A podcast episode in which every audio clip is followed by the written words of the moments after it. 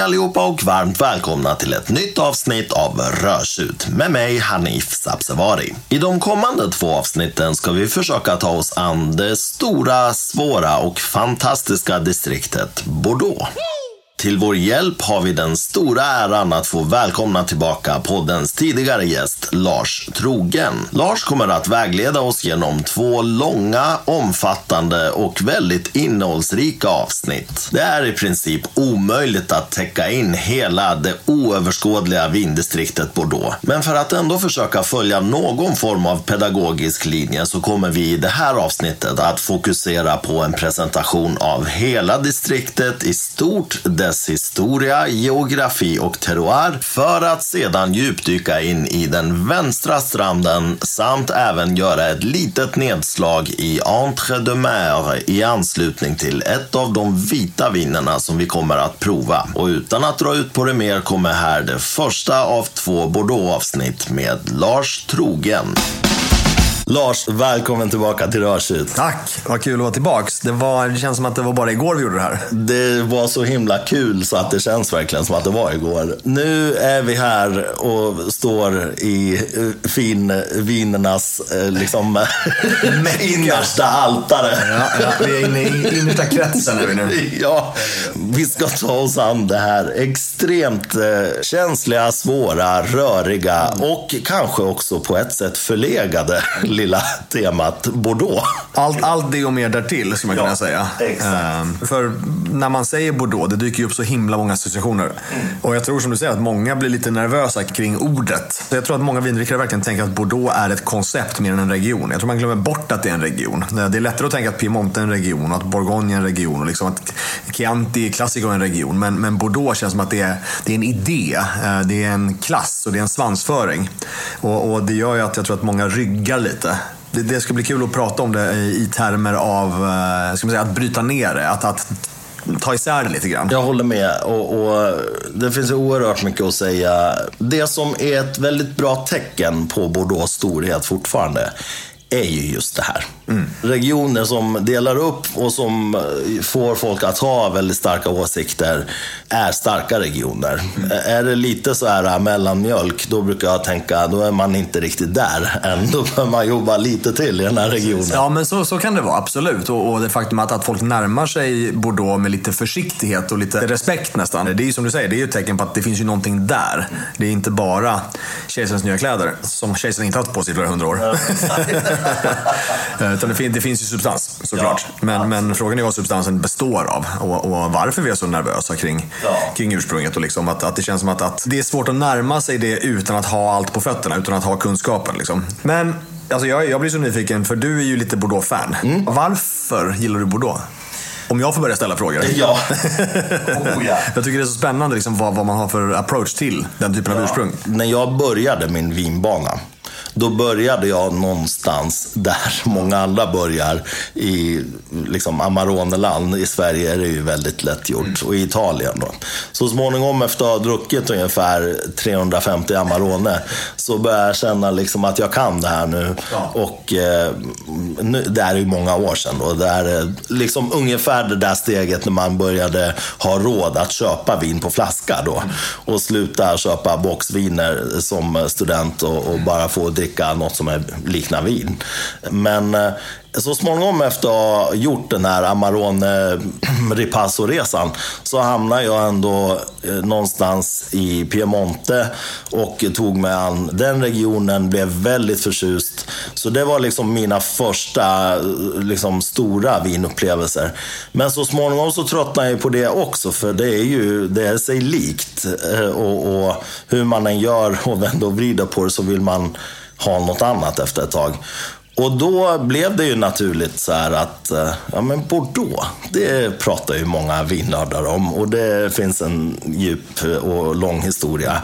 Så jag började liksom läsa in mig och började i helt fel ände givetvis. Eller fel, jag tycker att det var rätt ände då och det kanske jag tycker fortfarande. Men eh, jag tror liksom kanske många börjar lite försiktigt. Jag slängde mig rakt in i liksom 60-70-tals eh, köpte på auktion och drack väldigt mycket gamla grejer och älskade det. Ja. Det var liksom eh, svamp och blyerts och eh, skogspromenad hela vägen. Och på det sättet så jag blev helt kär i Bordeaux och jag fastnade lite grann där. Och någonstans för mig idag är Bordeaux lite ett eh, hem mentalt. Det. det finns de här stunderna när jag verkligen längtar efter Bordeaux för att få det där. Ja. Som, och, det kan jag inte få någon annanstans. Jag kan få liknande ungefär. Men det är lite som med champagne. Alltså när man är sugen på en champagne, då vill man inte ha cava. Då vill man inte ha prosecco, då vill man inte ha franciacorta. Man vill ha champagne. För terroiren, för de dofterna, för den smaken, för jordmånen, för det som är allt vad det är. Liksom. Och det är samma sak med Bordeaux. Eh, Så att eh, för mig är Bordeaux liksom lite ett mentalt hem, kan man säga, eh, i min vinkonsumtion.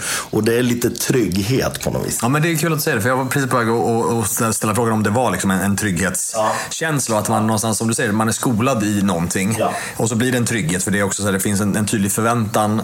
Och så vet man vad som är bra och dåligt i relation till den förväntan. Och sen så blir det liksom att man känner att nu, nu, nu kommer jag hem. Jag har en, en, en väldigt snabb jämförelse att göra. Det finns liksom, ja, men om man tänker, Eh, för vi pratade om musik lite grann förra gången. Eh, och det kan man ju prata om i, i relation till vin hela tiden. Men för mig så finns det också en sån där aspekt i musikälskan. Att så här, det jag lyssnade på när jag, var, när jag var 14, 15, 16. Det kommer vara den bästa musiken någonsin. Och även om någonting kommer nu som låter exakt likadant. Så blir det inte lika bra. För det är också en, en, en, en känsla för upptäckandet och en känsla för så här, det här blev min grej. Det kan komma en skiva som låter exakt som Slayers Rain in Blood nu 2023. Men den kommer inte vara lika bra. För det handlar om kontexten också. Så Bordeaux blir ju också en kontext i, i, i ens eh, egen upptäcktsresa i vinvärlden. Och det låter som att det var precis det du gjorde. Du är liksom spot on här. För att jag, jag tror att det finns liksom en väldigt stark mekanism i människan som kallas för nostalgi. Och någonstans när nostalgin tar över, då tänker man inte riktigt klart längre. Jag har tänkt den där tanken om musik många gånger. Eh, jag menar som när man hör eh, Eh, barndomsmusiken spelas nu. Ibland medvetet så brukar jag lyssna. Så brukar jag tänka, är det här så bra egentligen? Hade den här låten haft en chans idag till exempel på radio? Förmodligen inte, svaret of- ganska ofta. Men nostalgi liksom jobbar inte med de parametrarna. Utan det är liksom Prousts eh, madeleinekaka. Eh, det är någonting annat. Alltså hjärnan sätts lite ur spel. Det är när bara 100% känsla, det är trygghet och det är, det är ett hem så att säga. Och Bordeaux är verkligen så för mig. Inte på det sättet att jag tycker allt är bra. Verkligen inte. Jag, jag kan tycka liksom mycket halvdant. Vi kommer komma till det här också. Väldigt mycket som inte alls är särskilt prisvärt. Men eh, när det är bra, då blir man ju varm i själen. Liksom. Då är det någonting annat än bara ett välgjort vin då, utan det blir någonting mer än det. Men eh, vad är Bordeaux för dig och vad är din relation till det? Det är ju en väldigt bra fråga för jag tycker man kan se på Bordeaux från så himla många olika vinklar. Och jag, jag kommer ju in i vin från både ett väldigt stort eh, känslomässigt perspektiv men också från ett väldigt analytiskt perspektiv i och med att jag menar, hela plugget som vi pratade om förra gången och sådär. Så att jag måste ju titta på saker från flera olika vinklar. Men Bordeaux är sådär ursprung som jag känner att... För jag- gick ju inte på Bordeaux det första jag gjorde när jag hamnade i vinvärlden. Utan det har känts lite, lite lurigt, lite för mångfacetterat, lite dyrt har det känts. Eh, och lite svåråtkomligt. Eh, så att jag har ju närmat mig Bordeaux lite mer analytiskt och lite mer med, med respekt snarare än kärlek. Och jag har lärt mig att eh, uppskatta Bordeaux för jag har börjat, för, jag har börjat föra samtal med Bordeaux. Så att jag har börjat lyssna på Bordeaux, börjat, börjat förstå vad Bordeaux vill säga. Och förstått att Bordeaux är ju en väldigt eh, schizofren person. Bordeaux är ju inte en personlighet liksom. Eh, Så mitt intresse ligger i att försöka dechiffrera eh, vem Bordeaux är. Eh, Och det är ju liksom så här, det är, olika humörsvängningar på, det, på ursprunget. Och, och så att jag är otro- otroligt intresserad. Men som jag sa, otroligt fylld av respekt gentemot ursprunget. Framförallt när man landar i den högsta kvalitetsordningen. Men, men även när man tittar på vad som händer under och det faktum att allting, alla regioner består av en, en kvalitetspyramid. Bordeaux kvalitetspyramid är ju så många olika delar, så många små pyramider i samma. Så att jag håller fortfarande på att lära mig förstå det. Men det är lite kul att vara på liksom, ständig upptäcktsresa eh, i ett ursprung. Så, att, så jag är fascinerad av det och, och jag, jag, som jag förstår och respekterar storheten i det. Eh, även i det lilla, så att säga. Jag har ju så här respekt när jag öppnar en gammal flaska. Man gör det ju med vördnad. För man vet ju också hur, hur mycket jobb som har gått eh, in i varje flaska. Eh, och det är ju häftigt i sig att öppna sådana här gamla flaskor. Men jag tror att eh, jag är nog kanske inte riktigt eh, så, så, himla respektfull. Jag är nästan tvärtom. Mm. Det är ju många liksom som har blivit nästan lite provocerade av att jag kan öppna en gammal 70-80-talsflaska sådär på en fredagkväll och bara dricka rakt upp och ner och bara njuta av det. Så på det sättet har jag ingen större respekt, utan det är vin. Men för mig är det ju liksom mycket mer kärlek bara. Eh, och, och, det är något jag älskar att dricka. Den här analytiska sidan kommer lite i andra hand. I de flesta regioner kommer den först. Ja. Liksom. Men när det gäller Bordeaux så dricker jag och sen så kommer tankarna på något vis. Så det här blir ju väldigt spännande för vi kommer in lite från varsitt håll också i, ja. i det här. Ja, och det, det, jag tror att det här kan bli väldigt dynamiskt och kul. Men få berätta hur vi tänker att vi ska genomföra ja. det här så har vi väl tänkt att det här ska bli två avsnitt då. Ja, det får nästan bli åtminstone två känner ja, alltså, det, det är så mycket att prata om. Ja, det är jättemycket att prata om och eh, vi bägge tycker att det är viktigt att vara rätt pedagogisk eh, på något vis mitt i allt det här röriga och försöka hålla en linje ändå på något vis.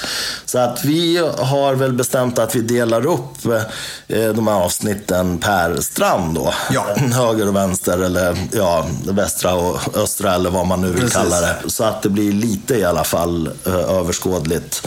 Och sen eh, så betar vi oss neråt helt enkelt i någon form av pedagogiskt träd här. Vi, vi, vi kan väl inte garantera att det inte blir några, några lite, lite sidestep-turer? Nej, det kommer nej, det, det, det kommer det 100%. Men vi kommer vara så pedagogiska som vi kan. Ja, exakt. Och försöka hålla någon typ av, någon typ av disciplinerad tanke i alla fall. Ja, men exakt. och eh, det är klart att det finns ju x antal årtal och, och stela TP-fakta som man skulle kunna sitta och rabbla. Sommelier-tävlingsfakta. Ja, exakt. exakt. Och en del av det kanske vi kommer få med, men eh, jag menar tanken är ju inte egentligen att vi ska sitta här och rabbla årtal så. De finns ju hos våran kompis Google. Det är mer att sätta allting i ett större perspektiv. Exakt. Så om vi känner oss klara med den här lilla introduktionen då så kanske vi ska börja med eh, vår första eh, strand. Precis. och, vi, då börjar vi med den vänstra stranden ja. då, i det här avsnittet. Och kanske det mest klassiska. Vad man tänker att Bordeaux är så är det ju det man tänker på först. Eh, för det finns ju några lite kändare namn än det finns i andra regioner på just den vänstra stranden. Men eh, om vi börjar liksom sätta allting på kartan, var vi befinner oss och liksom hela, alla förutsättningar för Bordeaux generellt och framförallt vänstra stranden.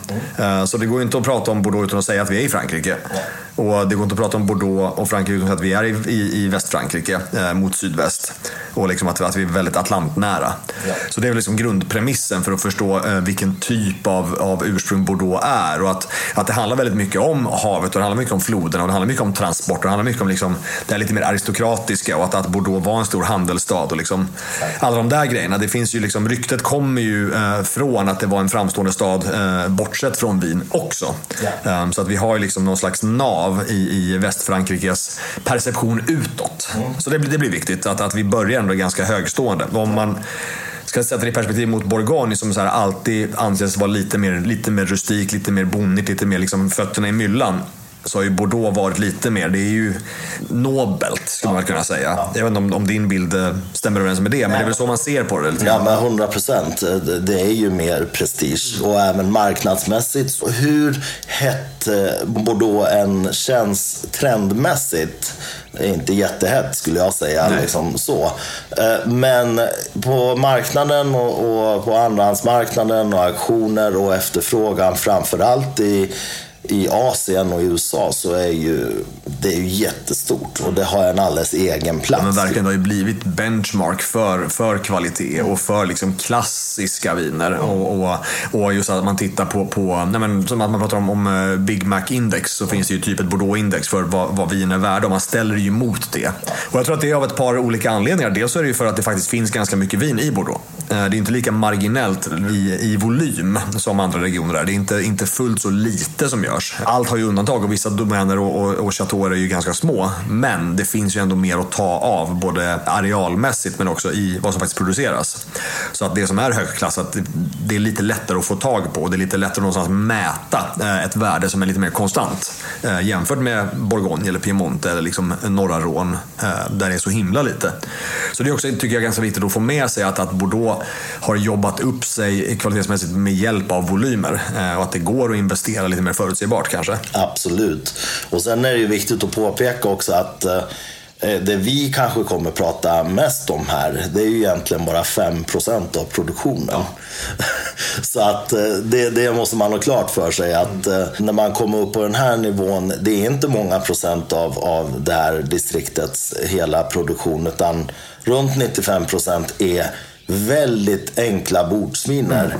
Som de just nu dessutom då har väldigt svårt att bli av med. Men eh, om man tänker vänstra stranden då. Nu har vi ju pratat lite om geografin då. Ja. ja vad, är, vad är det för jordmån? För att det, det är lite olika på vänster Ja, men det är det ju. Det är det ju. Alltså, man kan ju börja lite längre tillbaks än, än så till och med och ja. prata om det faktum att mycket av det vi, vi, vi har på näthinnan ja. för kvalitets-Bordeaux, vänstra stranden, mm. eh, det är ju ett gammalt träsk. Ja. Det fanns ju inte ens eh, vingårdar eh, innan holländarna kom dit och liksom kände att vi är ganska duktiga vi holländare på att dränera träsk. Vi, vi bygger fina dammar. Vi ser till att man kan bo någonstans där det inte skulle gå egentligen. Så idén om Bordeaux eh, och idén om, om de, de grusiga Vänstra stranden-vingårdarna eh, som vi håller som några av de mest terroir-distinkta vingårdarna i världen eh, för kvalitetsvinmakning och kvalitetsdruvodling framförallt.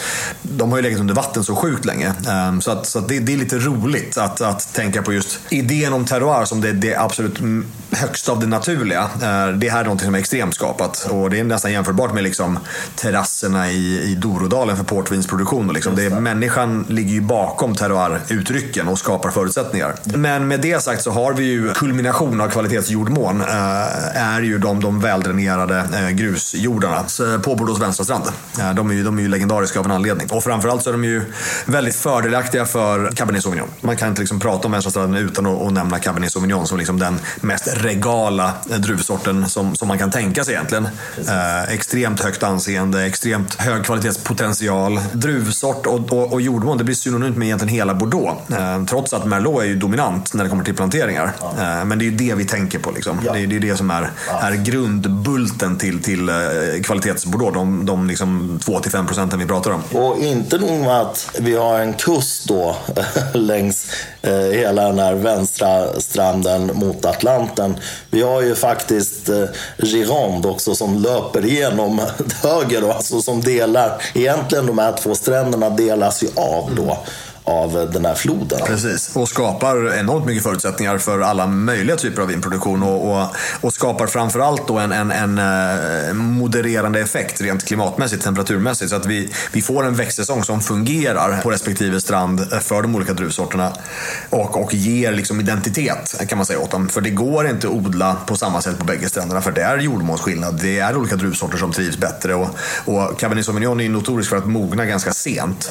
Så den funkar ju liksom inte inte där det är för svalt. Den vill ju ha det här modererande väldigt tydligt och den vill ha de här, den här jordmånen som hjälper till att liksom ge rätt typer av, av mognadsförutsättningar. Ingen ranka vill ju egentligen ha det för bra. Eller jo, rankarna vill ha det jättebra. Ja. Men vi människor som gillar vin ja. vill att de ska ha det lite småknaggligt. Det får inte vara för, för fertilt, det får inte vara för mycket näring för då blir det löv. Och löv blir inget gott vin. vi vill ha druvor.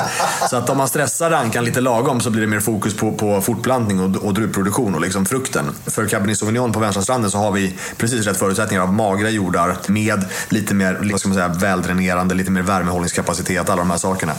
Eh, som, som, som, skapar den förutsättningen. Många av världens absolut bästa vinregioner ligger ju kring någon typ av vatten. Ja, eh, det är ju det är ett faktum. Liksom. Vi har ja. väldigt många sådana, eh, framförallt i Frankrike. Om man tänker på Rhône och, och Loire och liksom allt det här. Det är ju flod, flodviner allting. Och när det gäller druvor då, nu är vi ju inne på det så vi kan eh, avhandla det också i samma veva.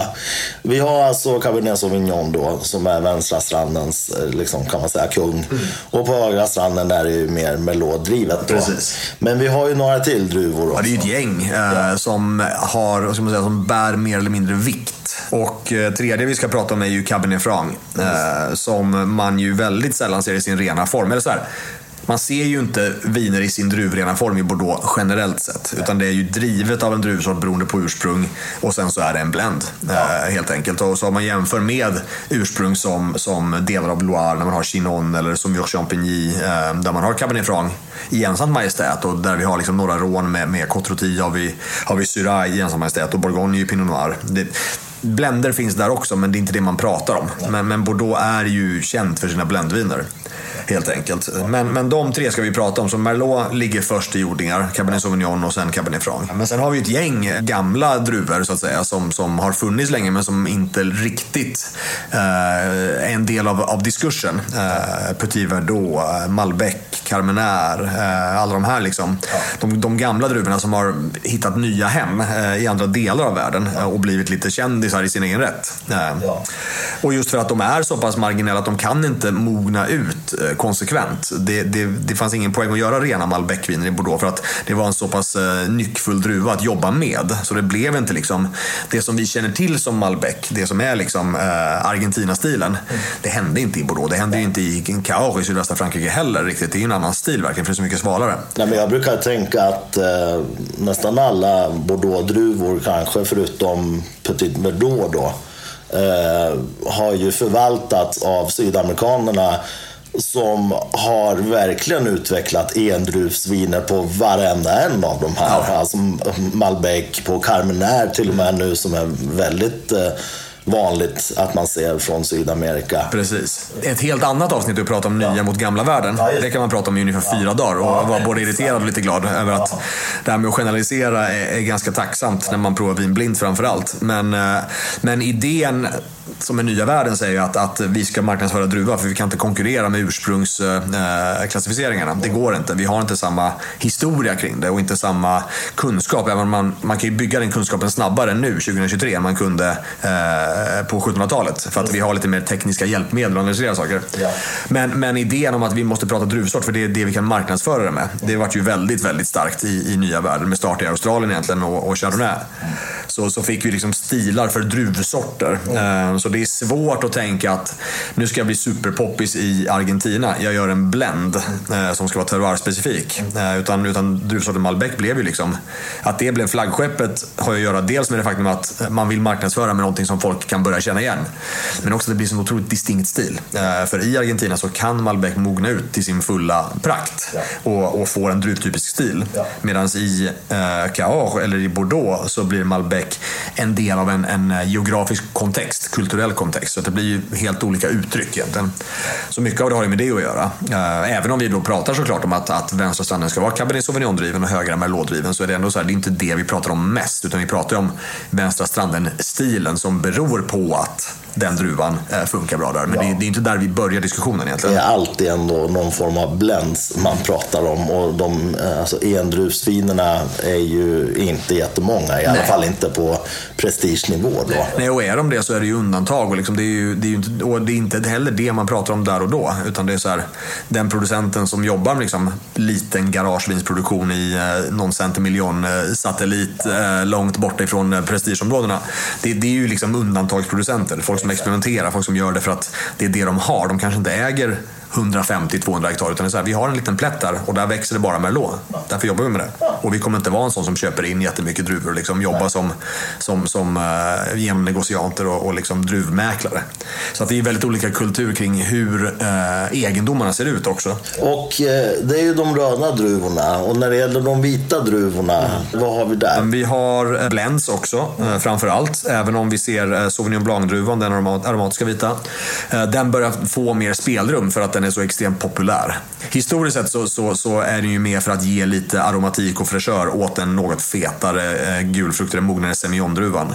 Eh, så att semillon ligger liksom till grund för själva det korpulenta vita bordeaux kan man säga. Det som är lite större, lite kroppigare, lite bredare och fetare. Liksom. Så drar man i Sauvignon Blanc för att ge mer fräschör. Vilket såklart, och det här kommer vi komma till eh, långt senare för vi har mycket att gå igenom tills vi kommer till de söta vinerna. Men, men att få fräschör i de söta vinerna så är ju Sauvignon Blanc extremt eh, attraktivt. Att ha i blenden för att, för att bidra med en större helhet. En druva som heter Muscadel eh, har man också men den är skapligt marginell. Mm. Men den är ju aromatisk på ett annat sätt. Så att om man tänker, om man pratar om aromatiska druvsorter brukar jag tycka att man kan prata om, om örtiga och blommigt aromatiska druvor som Sauvignon Blanc.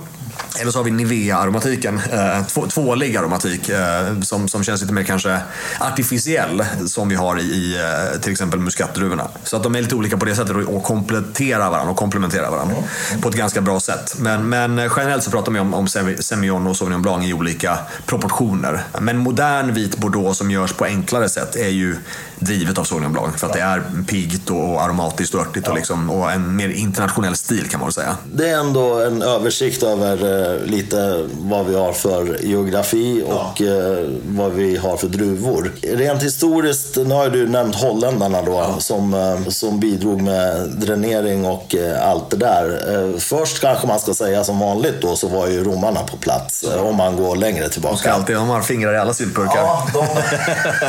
allt är deras fel. Och förtjänst. Exakt. All, all vår Bordeaux-konsumtion är romarnas fel.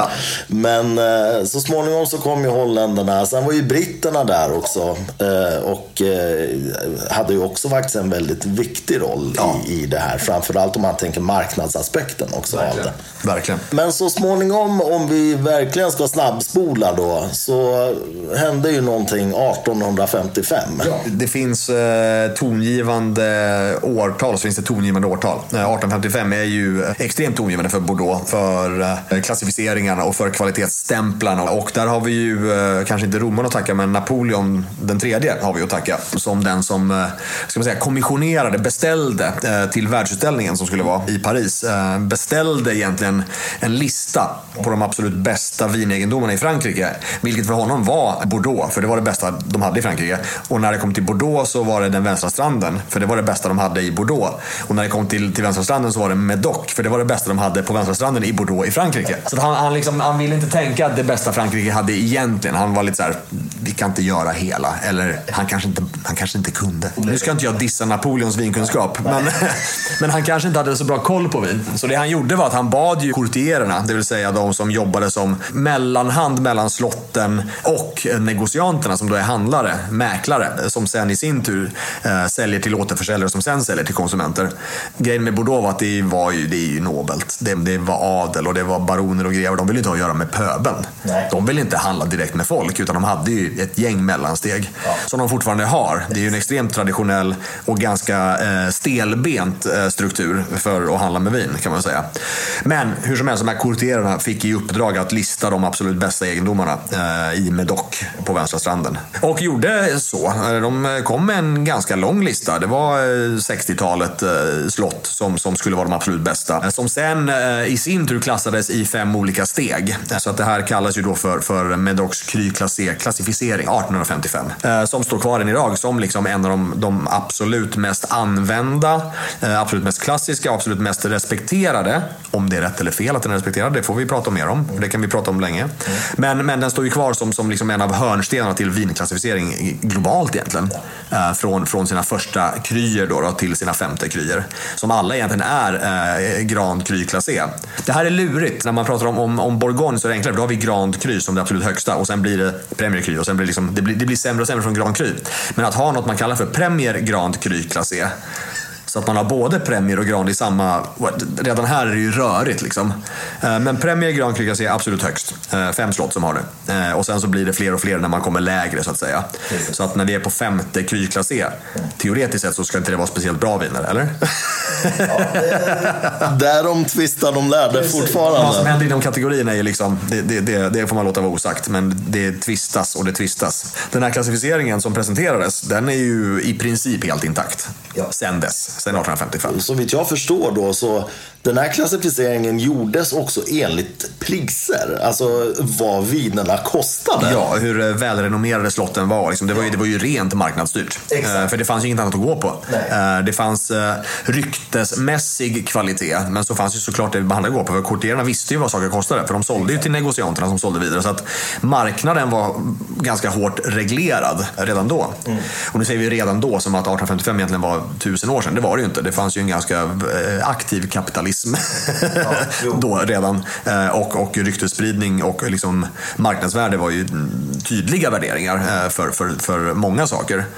Men, men det var ju precis så det var. Att, att det klassades mindre efter terroir och mer efter, efter ryktbarhet och faktiskt monetärt värde. Eh, vilket ju är en skillnad gentemot andra regioner också. Eh, för Bourgogne har ju inte klassats så någonsin. Det har ju klassats efter sina ursprung, vingårdarna. Så att det, det är en tydlig skillnad i vad, vad man värdesätter eh, mellan de två ursprungen. Ja, verkligen. Och det ger ju helt olika resultat. Du påpekar ju det att det är intakt i princip. Och jag skulle säga att hela marknaden kring det också är rätt intakt. Alltså, eh, Bordeaux är ju fortfarande facit lite grann. Och eh, även om man kollar på till exempel Livex då som en form av eh, börs för eh, vinhandel så är ju Bordeaux hela tiden det som sätter priset. Ja. Eh, Så att eh, det där är ju också eh, väldigt intressant hur de har lyckats bevara där eh, genom att ha väldigt hård kontroll och göra det väldigt krångligt för utomstående att slå sig in i det här.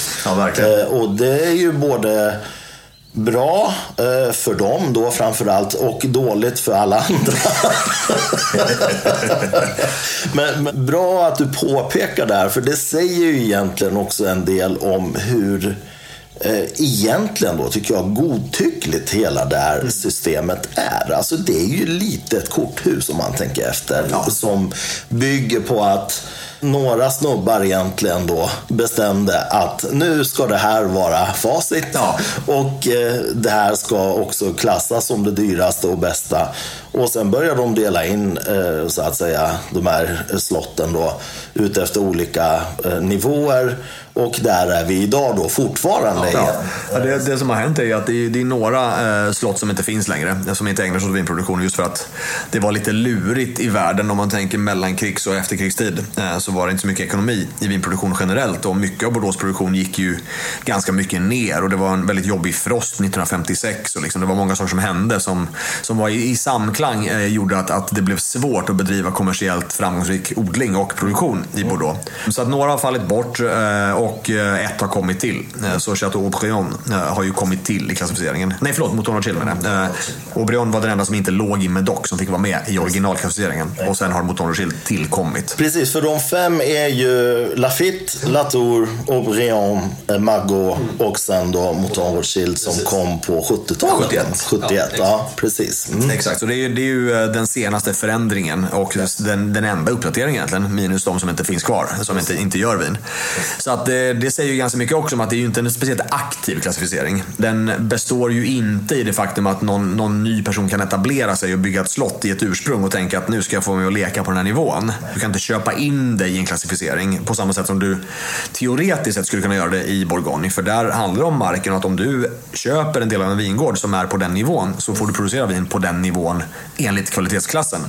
Men i Bordeaux funkar det inte så. Nej, nej. Det går inte. Och, och vad är de här slotten då? Jag tror att folk eh, Eh, inte bara på grund av de här etiketterna som alla eh, bilder på slott, utan det heter slott och man tänker sig att det ska vara en byggnad helt enkelt. Men, men det är ju inte alltid så, eller hur? Utan det här är ju också egentligen slott kan man säga ett uttryck för egendom egentligen. Precis, exakt. Chateau är som, som eh, uh, Bourgognes domän eh, eller uh, Kaliforniens estate. Och liksom, det, det är bara ett sätt att säga att det är en egendom. Det är ett, ett ställe som producerar ett vin. Och många chateauer är ju kojor. Liksom. Eh, det finns en byggnad och en struktur, absolut. Men, men eh, begreppet chateauvin eh, handlar egentligen om att det är ett egendomsvin. Och sen pratar man om, om mise en bouteille en chateau, det vill säga att det är buteljerat på slottet. Men, men man säger mise en, eller mis en bouteille en domaine i Bourgogne för att det är, bara det är samma lika egentligen. Sen så råkar det finnas en ganska stor koncentration av fina slott i Medoc framförallt. Så att vi har ju slott som, är, som, som som existerar. Som är väldigt vackra, som är väldigt anrika. Liksom. Men, men idén om, om chateau, det, det, det har ju blivit ett sätt att få det att kännas lite lyxigare. Ja. För ett chateau låter ju bättre än en domän. Ja. Eh, för det kan ju vara lite, lite vad som helst. Ja, precis. Plus att, eh, jag menar, jag tänker mig väl att man kan inte gärna liksom uh, trycka en bild på ett skjul på, på en etikett. Utan det är, det är ju, lite kul. Det är ju häftigare och, och, kanske ha ett pompöst slott då. Så är det ju. Men, men som sagt, utan, utan att gå för långt i, i förväg och, och, och, gå framåt för fort så har vi liksom en motreaktion som är det man kallar för garagevinmakarna, garagisterna.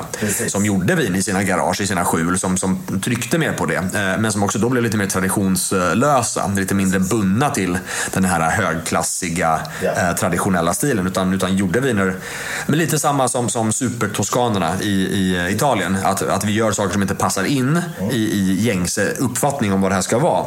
Men det är ändå jättehög kvalitet. Yeah. Vi får inte kalla det för någonting, utan vi får kalla det för Vin de France eh, bitvis. Eller en satellitappellation som ingen har hört talas om. Det här är La Lande de Pomerol, som inte betyder så mycket för så många. Så det är en del av de 95 procenten egentligen. Men de väljer att göra vin på en extremt hög nivå. Så ja. det finns ju alltid reaktioner och motreaktioner eh, ja. i de här traditionella ursprungen. Ja, och överlag, det pratade vi om i förra avsnittet mm. också. Det här att eh, det, det gäller ju att eh, det finns en sån motreaktion ja. hela tiden för att det ska utvecklas. Precis. Och, och, när man har så här extremt eh, stela ramverk för någonting, oavsett vad det är, så kommer ju en del inte att finna sig i det. Precis. Tack och lov, säger jag personligen då. Precis. Eh, för att också visa att det här är egentligen en konstruktion. Det har ju ingenting att göra med resultatet som vi får i glaset. Då. Nej, men precis, precis. Sen så är det ju ingen det är inte bara en, en, ekonomisk verklighet och en slump att, att, att vi har fått de här äh, toppslotten äh, som de absolut bästa. För de har ju en historia, de har en terroir att leka med som faktiskt är bra. Ehm, och det finns ju en poäng att de inte är så, men det har ju, det har ju att göra med något som, som låg långt bakom själva klassificeringen. Så att man får inte liksom, äh, vad ska man säga, man får inte förväxla klassificeringen med den historiska och geografiska kvaliteten som går att uppbringa. Uh, det, det stämmer i vissa fall väldigt, väldigt bra att, att det blir bättre vin på en adress.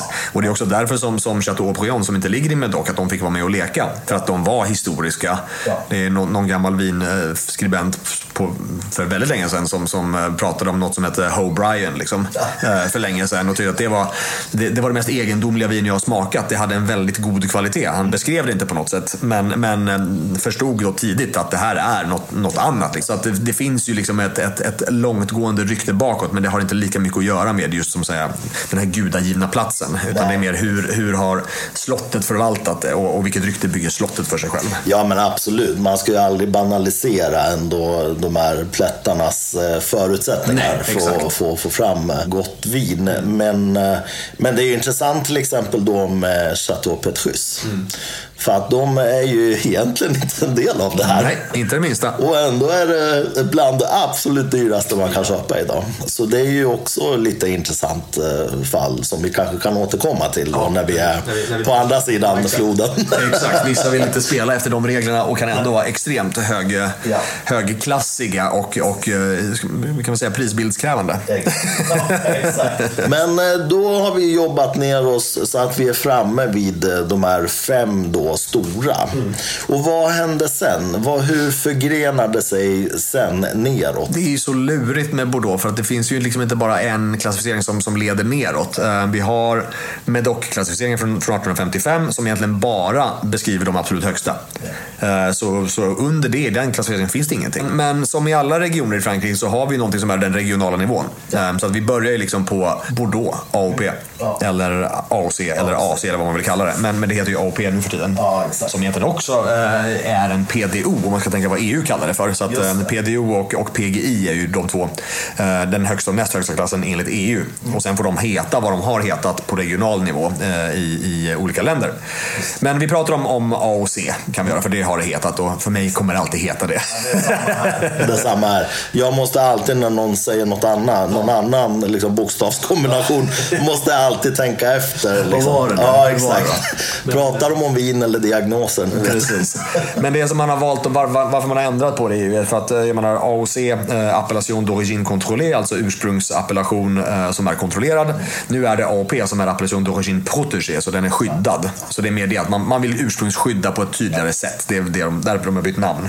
Men ingen fransos, det är väldigt få undantag där man inte säger AOC istället. Men om, om vi går över liksom Vin de France-nivån så är vi på AOC Bordeaux, som liksom, det är vin från hela Bordeaux. Klart, eh, det är, det är det enklaste. Det kan vara rött, det kan vara vitt. Det kan komma från exakt hela ursprunget. Vänstra, högra stranden spelar ingen roll. Eh, Norr och söder. Men det är precis efter det som det blir lurigt. För att eh, i Bourgogne när man går upp då till, till distriktsnivå och sen så går man upp till, till kommunnivå och sen så går man upp till bynivå och sen så går man upp till krynivå. Det, är liksom, det, det är en, en, en tydlig trappa för hela ursprunget. Ehm, som, som, som är allmängiltig. Men i Bordeaux så har vi ju fem eller sex eller sju beroende på man ser på klassificeringar.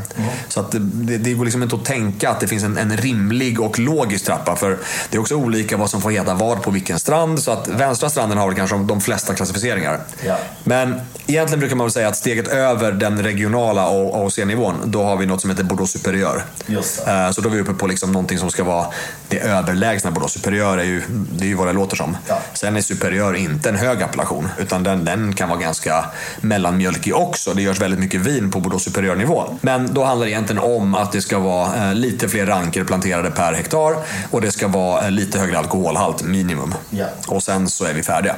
Eh, Så att det är lite bättre vingårdslägen egentligen. Hur kvalitet har klassificerats i Europa generellt i liksom traditionella vinområden är ju genom hur mogna druvorna kan bli. Så att alkohol och socker har ju varit liksom måttstockar innan man hade något annat att mäta. Så att säga, innan, innan kvalitet blev mer subjektivt. Så den objektiva kvaliteten sitter i potentiell alkohol och sockerhalt. Tittar man på Tyskland så har de sina predikatsnivåer som ju är helt och hållet baserade på, på eh, hur mycket socker i druvorna man skördar. Vilken nivå man, man har det på. Sen kan man göra söta och torra viner hur man vill. Men det handlar ju om mognad. Och, och Bordeaux är inget undantag. Ehm, Så att mognare druvor eh, tyder på bättre vingårdslägen, tyder på, på bättre dränering, tyder på bättre liksom, förutsättningar. Och då får man en högre klass. Så Bordeaux Superieur är ett steg upp, eh, men sen, sen, blir, det, sen blir det svårt. Ja. Sen, förgre, sen förgrenar det sig åt, åt höger och vänster och upp och ner och hit och dit. Eh, Och då har vi eh, något som man kallar Bordeaux Cru Bourgeois. Som egentligen bara betyder borgarnas kry, som egentligen betyder medborgarnas kry. Eh, Så det ska vara det folkliga Bordeaux. Finns bara på vänstra stranden, bara i Medoc. Eh, omfattar 250 slott. Också ett steg upp i liksom potentiell alkohol, men, men det är, ja, man, man får söka in till den klassificeringen. Den är ganska populär och ganska stor. Men det bygger på att det ska vara lite bättre och, och det, det ska egentligen klassa de som inte blev listade i Cry Classé 1855. Man, man ska liksom bygga på, på det och hitta nivåer under det. Så att man vill liksom, egentligen vill man sätta ihop det till fler nivåer under den så det ska vara en del av samma, men det är inte samma. Nej. Nej. men, men Cru Bourgeois kontra Bordeaux Superieur, det ska vara ett steg upp till Cru Bourgeois. Det är väl, är väl grundtanken. Ja. Ehm, men mycket av det här, och det här måste jag säga innan vi, innan vi pratar vidare, att, att mycket av det här beror ju också på vilken producent du är, hur duktig du är, vilken typ av vin du gör. För allt är ju inte samma nivå eh, när man landar där. All Bordeaux Superieur är inte exakt lika bra. Ehm, på samma sätt som alla första kryklasser. Där kan man ju diskutera, för någonstans ska vi sitta och berätta vilket som är bäst av Latour och, Lafite. Det kommer vi nog inte göra, för att ärligt talat så vet jag inte riktigt. Jag, jag provar inte de vinerna så himla ofta. Nej, vem gör det? Exakt. Men, men allting görs ju inte lika bra bara för att man råkar vara på samma kvalitetsnivå. Det, det är väl värt att ta med sig. Plus eh, det lilla fenomenet eh, årgång och värde. Lite sånt också, precis. Exakt. Eh, Så, så förutsättningar förändras ju väldigt mycket. Men så vi har Bordeaux Superieur, vi har Cru Bourgeois, sen har vi något som heter, heter Cru Artisan. Det. Som också är en helt egen sak. Eh, Som såklart inte ska liksom, ha någonting att göra med någonting annat. Och det är, jag tror det är 50-talet eh, egendomar, chateauer, som har den klassificeringen. Som egentligen bygger på att du ska ha varit, för mycket av Bordeaux är ju lite, det är mer storskaligt. Ja. Eh, Det, det är värt att nämna också att Bordeaux är generellt mer storskaligt än Bourgogne. För det, det är svårt att inte jämföra med Bourgogne för att de är så klassiska bägge två, fast på helt olika sätt. Ja. Eh, Cru artisan, man ska prata franska, men cru artisan, eh, det har att göra med att du var tvungen att vara någon typ av hantverkare. För en, en, någon som jobbar artisanalt är ju en, en hantverksmässig producent. Precis. Eh, Och ofta var det producenter som var småskaliga och som kanske var tvungna att ha andra jobb samtidigt som de gjorde vin. Så att du kanske var skomakare, tunnbindare eller liksom någonting annat och hade du en druvproduktion också. Så att du fick liksom den klassificeringen. För du var inte ett chateau på det sättet. Du var, du var en artisanal producent. Precis. Eh, Så att då fanns det en klass för det också.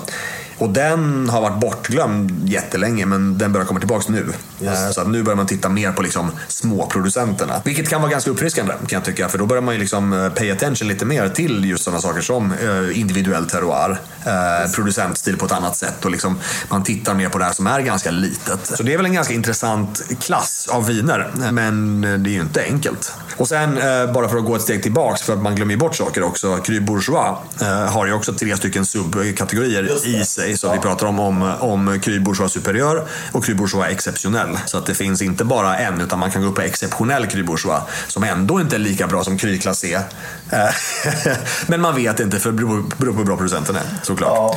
Men någonstans så ska man väl säga att, att i Bordeaux Superieur och Cru Bourgeois och liksom där, där händer det ju lite mer utvecklingsmässigt. Där ser man mer utveckling på producentnivå. Man ser mer utveckling eh, på kvalitetsnivå. Att, att det går att göra mer och det märks snarare tydligare kanske eh, än på Cru Classé-nivå om någon blir markant bättre. Plus att det är ju där jag köper mina Bordeauxer ofta om jag handlar Bordeaux. Och jag var på väg att säga det att eh, eh, Cru Bourgeois är där man verkligen fyndar. Och det är ju där man i en blindprovning kanske ställer eh, tyngre, en tyngre flaska mot en Cru Bourgeois och eh, kommer ut med resultatet att de flesta föredrog kanske Bourgeois. Ja men exakt. Det är där det händer. Det är, och det är otrolig nivå på, på en hel del eh, av de här egendomarna. Ja, men verkligen. Eh, Och om man tittar på, på de väldigt klassiska slotten. eh, De har ju inget, det finns inget egenintresse att utvecklas. För de är ju en del av en, en sån rigid struktur. Att, att det finns också en förväntan på eh, vad ett slott ska göra. Och liksom, det här är en Margaux-stil, det här är en Latour-stil. Vi förväntar oss det. Ju längre ner man kommer, nu gjorde jag sådana kaninöron, längre, längre ner, eh, allt är relativt. Ja. Men ju längre ner man kommer, så att det, det händer ju mer experimentellt i liksom femte kryklassé kontra första kryklassé. Eh, man utvecklar snabbare, det finns de som kikar mer på ekologiskt och biodynamiskt eh, när man kommer ner där. Liksom.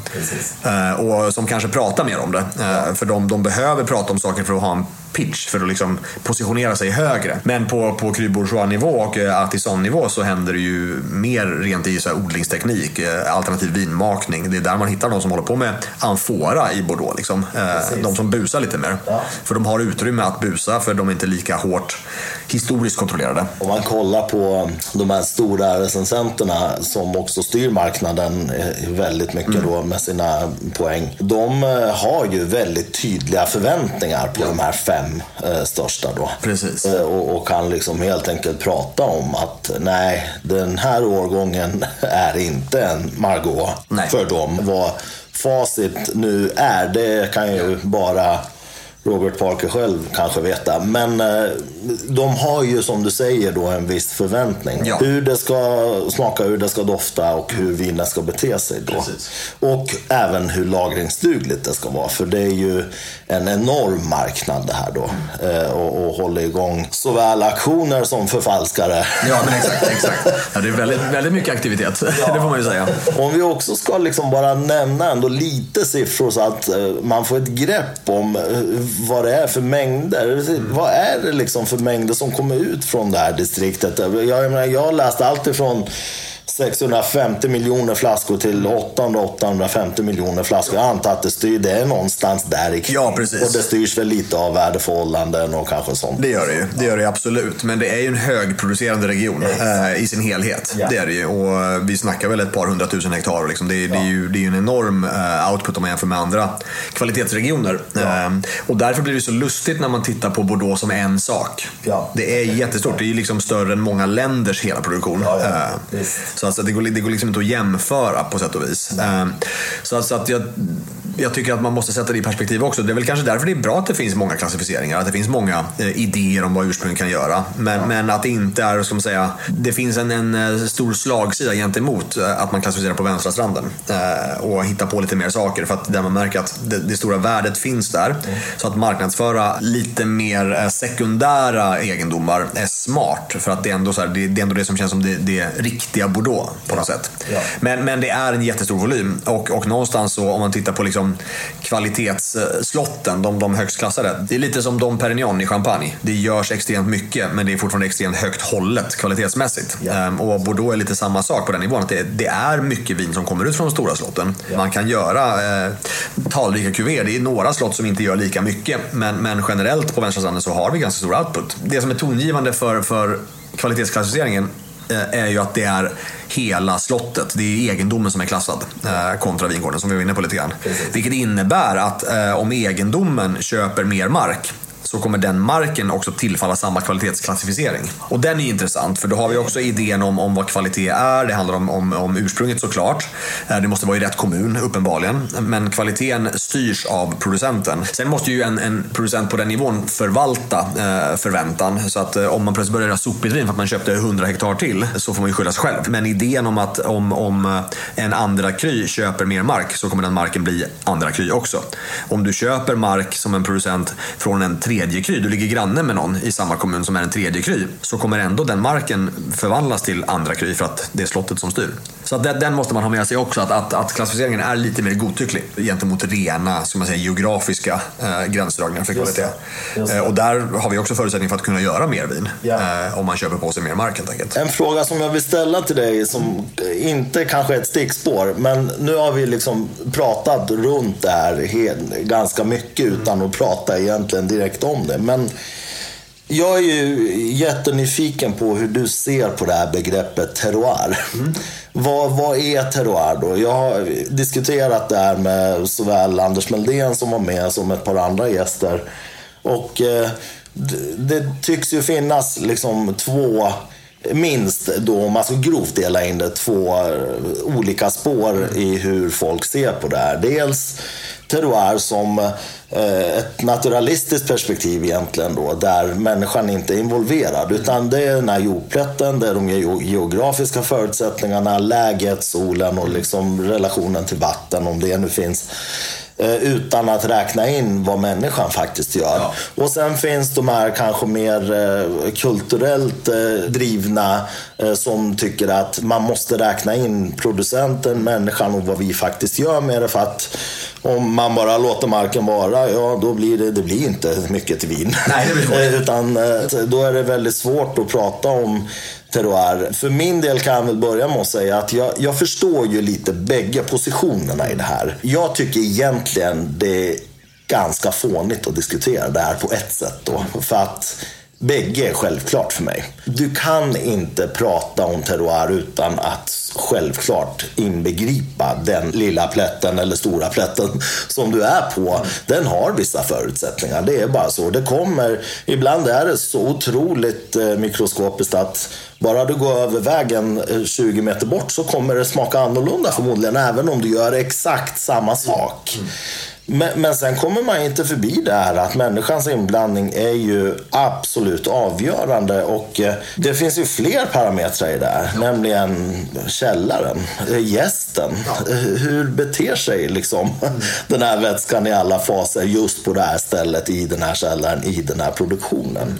Men kan du spekulera och diskutera det här lite grann så, så man förstår liksom din hållning i det här, mm. hur du ser på det här för det är så otroligt viktigt också nu när vi är i Bordeaux och framförallt de här fem stora slotten. Ja, nej men absolut. Och någonstans så, så, för jag ser också poängen med båda approacherna till att, att beskriva terroir.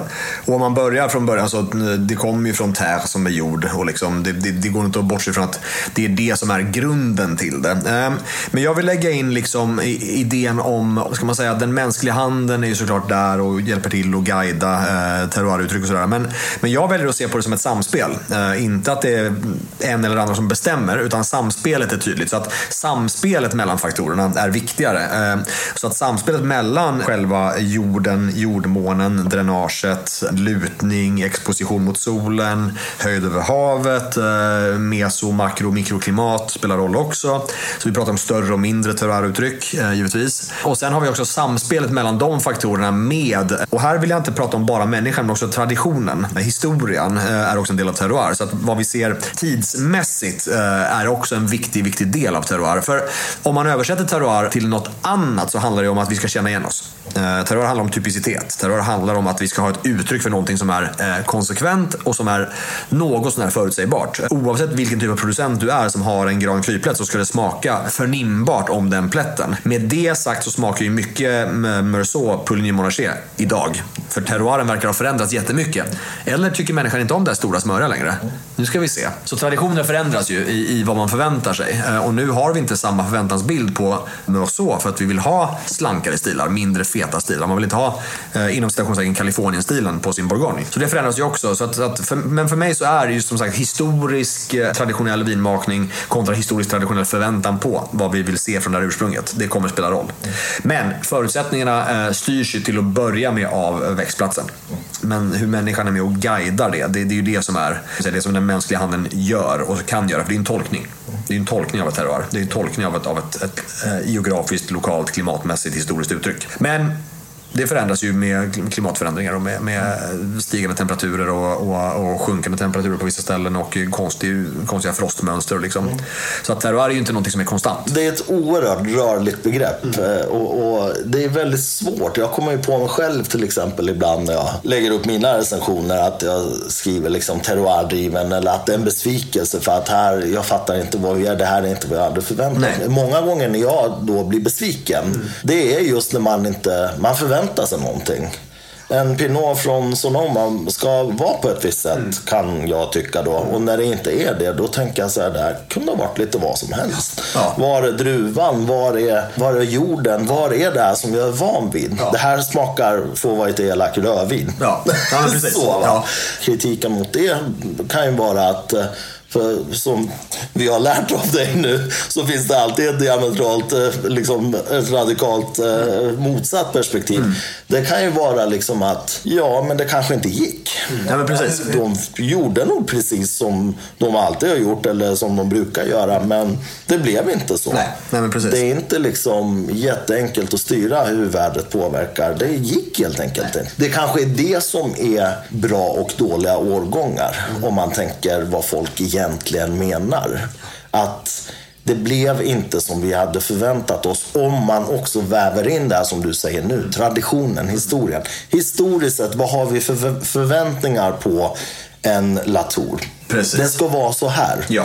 Och en dålig årgång är inte bara där att det kanske är lika lagringsdugligt och inte går att lagra i 250 år mm. som vissa verkar tycka att man ska lagra. Utan det är inte vad vi hade förväntat oss utifrån tradition, historia, mark, vinmakning och allt det Exakt. där. Exakt. Ja, nej, men allt det hör ju ihop. Och, och, man ska heller inte, inte glömma bort det här med just att om man tittar på, på den här typen av ursprung som Bordeaux eh, som, som eh, anses vara ett av de mest terroirtypiska ursprungen som vi har eh, på jorden. För 50 år sedan, 60-70 år sedan, då var det kallare. Eller snarare, man kanske inte... Det var, dels var det kallare, man hade också inte samma kunskap i vingårdarna. Man visste inte hur man jobbade med, med beskärning. Det, det, var inte samma tekniska kunnande i odling, vilket gjorde att du hade mindre mogen frukt. Vilket gjorde att du hade generellt lägre alkohol i vinerna, högre syror. Men det man också gjorde var att man chattaliserade. Man gick ju in med socker eh, i, i eh, processen innan jäsning för att få upp alkoholen, för att få lite mer kropp. Så att det som vissa producenter pratar om är ju att, att eh, vi ligger kvar på samma alkoholnivå som vi hade på, på 60 och 50-talet. Men syran ligger annorlunda för att vi kapitaliserar inte. Så att förr i tiden så, så, så hade man 13,5% alkohol eh, och en syra som var för 11 procent så att säga. Mognaden låg på 11 procent potentiell alkohol, så då boostar man den. Um, så att det förändras ju också i, i vad terroir är genom att människan gör lite olika saker. Uh, ingen ifrågasätter att det smakar terroir fast man kapitaliserar det. Det gör ingen alls. Och samma sak i Bourgogne. Och, och uh, motsatsförhållandet blir ju i uh, nya världen, i uh, Napa Valley exempelvis. Där många producenter väljer att försöka sänka alkoholen genom att hålla på med så här omvänd osmos och sådana saker. Så producenten Randy Dunn i Napa, som håller på i Howell Mountain och sånt där, är extremt bra viner. De har mognare frukt nu än de hade för, för längre sedan än, än nyss. Och de eh, använder omvänd osmos i princip varje år för att komma ner på 13,9% alkohol. För de tycker att under 14 så blir det bra, över 14 blir det dåligt. Så att de tycker att deras terroir uttrycks bäst om de manipulerar vinet. Och samma sak var det i Bordeaux för längre sedan. Mm. Att man var tvungen att manipulera vinet för att uppnå en balanserad känsla av ursprung.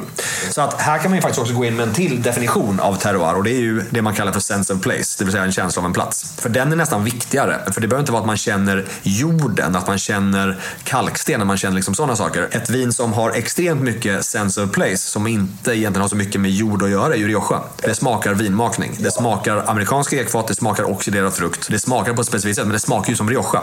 Mm. Hunter Valley Semillon smakar jättelite som jord, men det smakar jättemycket som Hunter Valley Semillon. Och det vinet görs på en plats. Så att förutsättningarna finns ju att göra saker som smakar på ett visst sätt, men som kanske inte smakar av, av naturen, så att säga. Portvin smakar också väldigt mycket som sin plats, men det är inte så mycket att man tänker, jag känner verkligen det här kalkiga. Det tänker man inte på med port. Liksom. Det finns mineraltoner som kan vara något annat. Ja. Men, men sense of place är någonstans lite nyttigare, eh, för då får vi också idén om, om uh, faktisk förväntan. Och det ligger också till grund för många de här klassificeringarna. Om vi tänker på saker på kommunnivå som ska vara lite mer specifika. Mm. De kan ju bli underkända för att de smakar fel, mm. fast de kommer från rätt plats. Så även om platsen dikterar förhållandet och förutsättningarna för att göra vinet så kommer det inte kanske smaka samma för vinmakaren är där och guidar. Det är ett jätteroligt exempel från Bourgogne, eh, från, från nere i södra Bourgogne, i Macon, eh, en, en by som heter Vigé-Clessé, där en producent som heter Domaine Valette gör en del vin ifrån. De är lite mer progressiva, eller så kan man säga konservativa, men de är en del av liksom naturvinsspektrat. Eh, så de jobbar lite mer naturligt, eh, lite mer oxidativt, lite mer som det blir en annan stil. Så de eh, gjorde en, ett vin från Viré De satte upp det till panelprovningar för att måste bli godkänd och de blev underkända. Det smakade inte Viré Clésé. Druvorna kommer därifrån, det är gjort i Bourgogne, det är naturlig jäst. Allting pekar ju på terroir. Men det smakade fel. Eh, så att de fick inte eh, heta Viré Clésé. Så de fick vara en, en Vin de France, men de döpte vinet till eh, Je suis viré, som betyder jag är viré, men viré är också att man har fått sparken. Så att de, de lyckades sälja, de är smarta liksom. Och i Piemonte har vi ju producenten Borgogno, Just. som har sina no-name-viner. Som också är samma sak, de blev inte godkända, fast det är druvor från tre stycken Barolo Cru. Yeah. Men det smakar inte Barolo nog mycket, så att de fick inte heta Barolo. Så därför gjorde de no-name-etiketten och läser man på den längst ner så är det Etichetta di Protesta. Eh, för de är också italienare. Ja, så att, det, det, finns en liten sån fingret i luften. Eh. Ja, ja, Men så terroir är ju också godtyckligt, det är också bestämt vad terroir ska smaka på många ställen. Så, att, så att det är svårt. Men, men sense of place, att vi får en, en idé om, framförallt då i en blindprovning men också för konsumentförväntan. Vad ska en Latour smaka? Vad ska en Lafitte smaka? Vad ska en AC Bordeaux smaka? Eh, vad smakar en, ja, vad smakar en Cru Bourgeois? Vad har vi för förutsättningar som vi kan bestämma? Och då finns det ju sådana saker som skördeuttag och, och äh, antal rankor per hektar och liksom, äh, antal äh, månader eller år på ekfat. Och sånt som skapar känslan av ursprung. som då är ett led i terroir som är den mänskliga aspekten kring det. Mm. Det har varit ett jättelångt svar på en ganska kort fråga, men det är ju ett, en, en fråga som kräver ett långt svar. Det är ju det här som är så fantastiskt med att ha ett uppslagsverk som gäst. Att man får de här fantastiskt långa svaren som också vrider om i skallen på en själv. För att jag, under tiden du pratar om det här så sitter jag och tänker så här att eh, jag är ju lite sådär, jag är en misstänksam person liksom och jag vill gärna så här, varför? Varför är det så här? Ja. Och det är inte alltid jag kanske bara med hull och hår köpt det här begreppet terroir och, och liksom vissa pratar om adress och, och ja, det finns olika benämningar på det här. Men det som talar för det här nu, det här nya perspektivet som du säger nu, alltså sense of place, det tycker jag egentligen är mycket bättre. Ja. För att om jag tänker på de gånger jag blindprovar, vad är det jag går på? Jag går såklart lite på vad jag ser, inte så mycket, men eh, är det rött eller vitt? Men sen försöker man kanske hitta en druva, man försöker kanske hitta lite vinmakning. Men sen är det ju den här extremt svåra och svårförklarade känslan egentligen ja. för var är vi?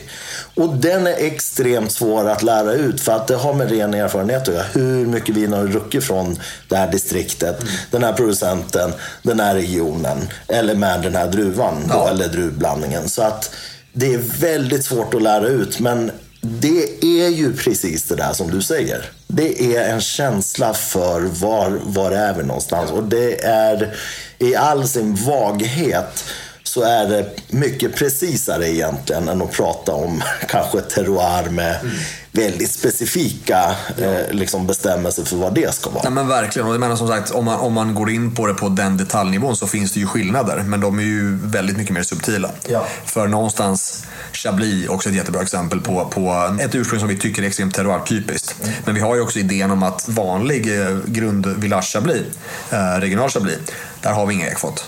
Men på Grand Cru-nivå har vi ekfat.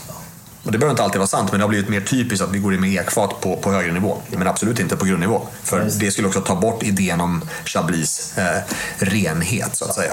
Eh, men när man kommer upp på Grand Cru-nivå så pratar man inte lika mycket om den väldigt puritanska, rena stilen. Utan då går man in på liksom så här, här är ren kvalitet, koncentration. Sen kommer syran bete sig annorlunda och alkoholen kommer vara annorlunda. Liksom saker, saker som blir mer, mer geografiskt betingade kommer ju vara annorlunda. Eh, från Chablis ner till Macon, uppenbarligen. Och vi har annorlunda förutsättningar mellan Entre deux Mer Bordeaux kontra Medoc, kontra eh, Pomerol, kontra liksom allt det här. Så det finns ju grundförutsättningar som, som jag absolut köper som, som objektiva. Men de är i förändring och de är eh, utsatta för tolkningsföreträde. Någon går alltid in och tolkar eh, vad, vad terror Vad ska, är. vad ska vi andra tycka? Och sen så har vi kommit till den punkten att, att eh, vissa organisationer, till exempel de som styr eh, AOC-erna, de har tolkat det så mycket att de har en stiltypicitet eh, som det ska bli. Det ska smaka korrekt. Och ju snävare, desto snävare kommer de, de, beskrivningen bli. Och där har vi en trygghet för oss som konsumenter att vi vet vad vi kan förvänta oss. Ja. Sen tar ju det bort lite från det som är eh, intressant och roligt på många sätt. Eh, Det gör att folk blir underkända som kanske jobbar jättesnyggt på många sätt. Fel blend får inte heta någonting. Eh, I Alsace får man inte blanda druvor från, från Grand Cru-vingårdar. Eh, Då kan man åka i fängelse, vilket har hänt för producenter. Då får de hitta på något nytt sätt att beskriva det på. Det var producenten Marcel Dice, eh, vinmakaren där, som faktiskt åkte i finkan ett par dagar. För att han, han gjorde en blend och skrev Grand Cru. Om det var Schönenburg eller någonting. Sen så kom han på att eh, vi får bara hitta på något nytt uttryck för det. Så att han skrev inte längre Grand Cru på sina blender, för det fick han ju inte för då åkte han i fängelse. Men han skrev Cru d'Alsace. Och då betyder det ingenting, fast det betyder allt. och då gör han vilka blender han vill. Eh, För då är det liksom bara AOP Alsace. Så att man, man tolkar ju om saker hela tiden. Jag försöker anamma det här också som du så värdefullt liksom påpekade i förra avsnittet då att eh, det finns alltid två radikalt motsatta perspektiv och bägge är på något vis både rätt och fel. Ja, nej, men de blir ju en del av lapptäcket. Ja, jag kan tänka så här att hur kritisk jag än må vara mot ett så stelt system så om man sätter sig in i positionen att du sitter där eh, i de här organisationerna och man kan ju tänka sig att de smakar ju ett par viner Ja, men de gör det. om, om året. Och eh, jag kan tänka mig faktiskt att det är så här att man hittar väldigt tydligt till slut ett typicitet för varje liten plätt och distrikt och region. Och, eller ja, liksom både mikro och makro så att säga. Eh, när det gäller geografin. Så Egentligen är det inte så konstigt eh, att de vill ha det så. Jag menar, resultatet blir ju också väldigt förödande för en del. Men jag tror kanske inte alltid att de, har, de gör det för att liksom jävlas med folk. Utan det är väl helt enkelt ett sätt. Jag menar, vi pratade ju om eh, Österrike förra gången. Eh, som nu också, som du berättade, genomför en väldigt noggrann kartläggning. Superradikal. Ja, absolut. Och, och det är ju kanske också ett sätt att försöka få grepp om det här som är så rörigt, som är så så att säga oöverskådligt när man kollar på det. Problemet med Bordeaux är ju att det bygger på äldre system och sen har det liksom tillkommit i modern tid nya klassificeringar och nya sätt att se på det här. Så att det är kanske därför det har blivit väldigt rörigt. Ja, men det är dels det och, och någonstans så som sagt, det, det är ju skönt med trygghet. Eh, Det är ju skönt att veta som sagt vad man kan förvänta sig. Det är skönt att veta varför jag lägger pengarna på det här. För jag vill ju få en sak för de pengarna. Men, men eh, som en sista eh, aspekt bara av det här med, med, med terroir. En viktig sak för att uttrycka terroir blir ju vad man har för så att säga, fordon. Vad har man för medel att uttrycka det med? Det är ju druvsorterna. Eh, Så Chardonnay är ju en toppen druvsort att uttrycka terroir. Riesling toppen, eh, Chenin Blanc toppen, Cabernet Sauvignon toppen.